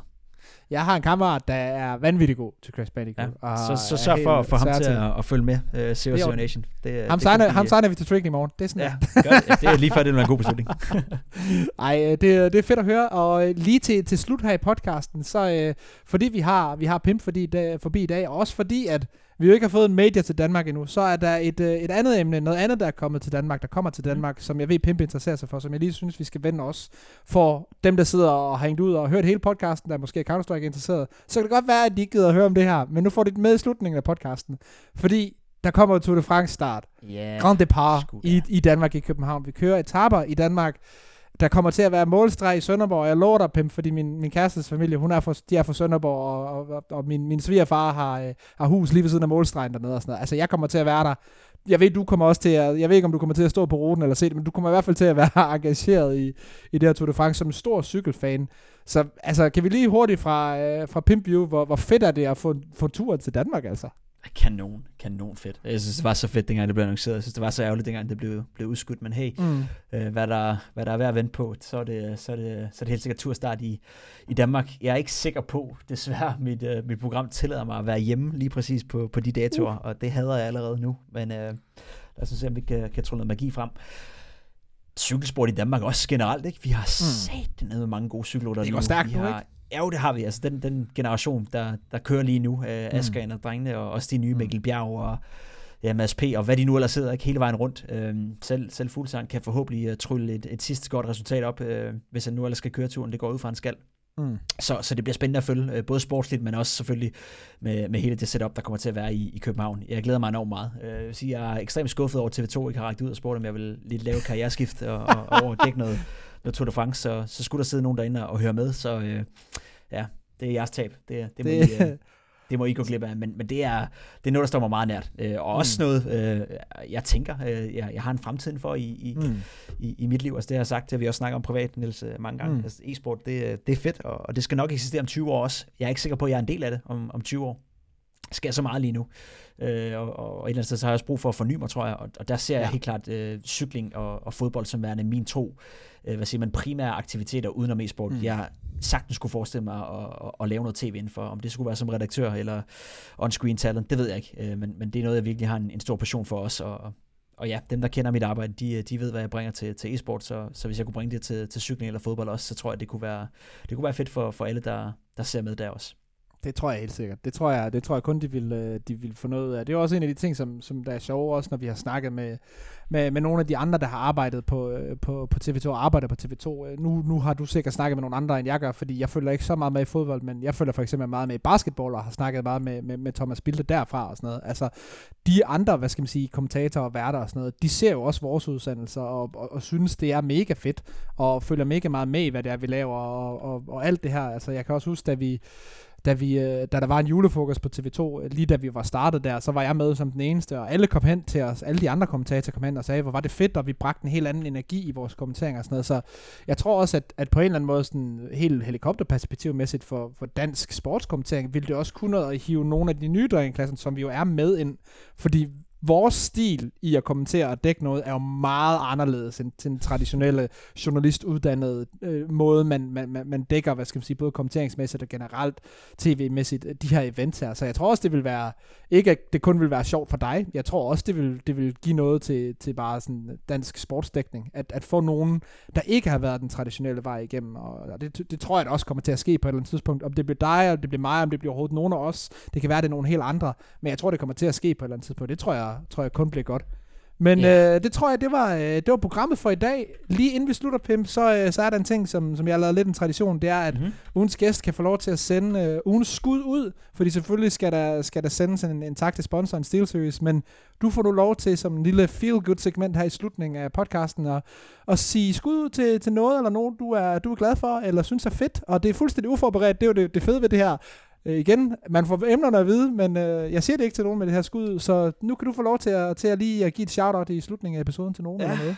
så vil jeg gerne give et kæmpe skud ud til min øh, fantastiske kæreste, der skal lægge øh, lyd til mit lort hver evig eneste dag. Øh, også, jeg har fået nævnt det et par gange og, og fortalt mindre pænt om hende i løbet af podcasten, så altså, helt, helt nøgtern, så, så tror jeg personligt, jeg, jeg må være forfærdelig at, at leve med, forstået på den måde, at jeg kræver virkelig meget, ikke? Altså min, min omgivelse, min rejsen og, og så videre, så videre. Det, det kræver meget at skulle acceptere, at det er den måde, mit liv fungerer på. Så øh, mm. at der er nogen, der vil udsætte sig selv for det, det, det kræver et kæmpe skud. Så, så det bliver et skud til, til kære Emilie, øh, og men hun sandsynligvis aldrig kommer til at høre det her, og det er nok også det bedste. Så, Sådan er det jo. Jeg så holder ved det. Sådan det.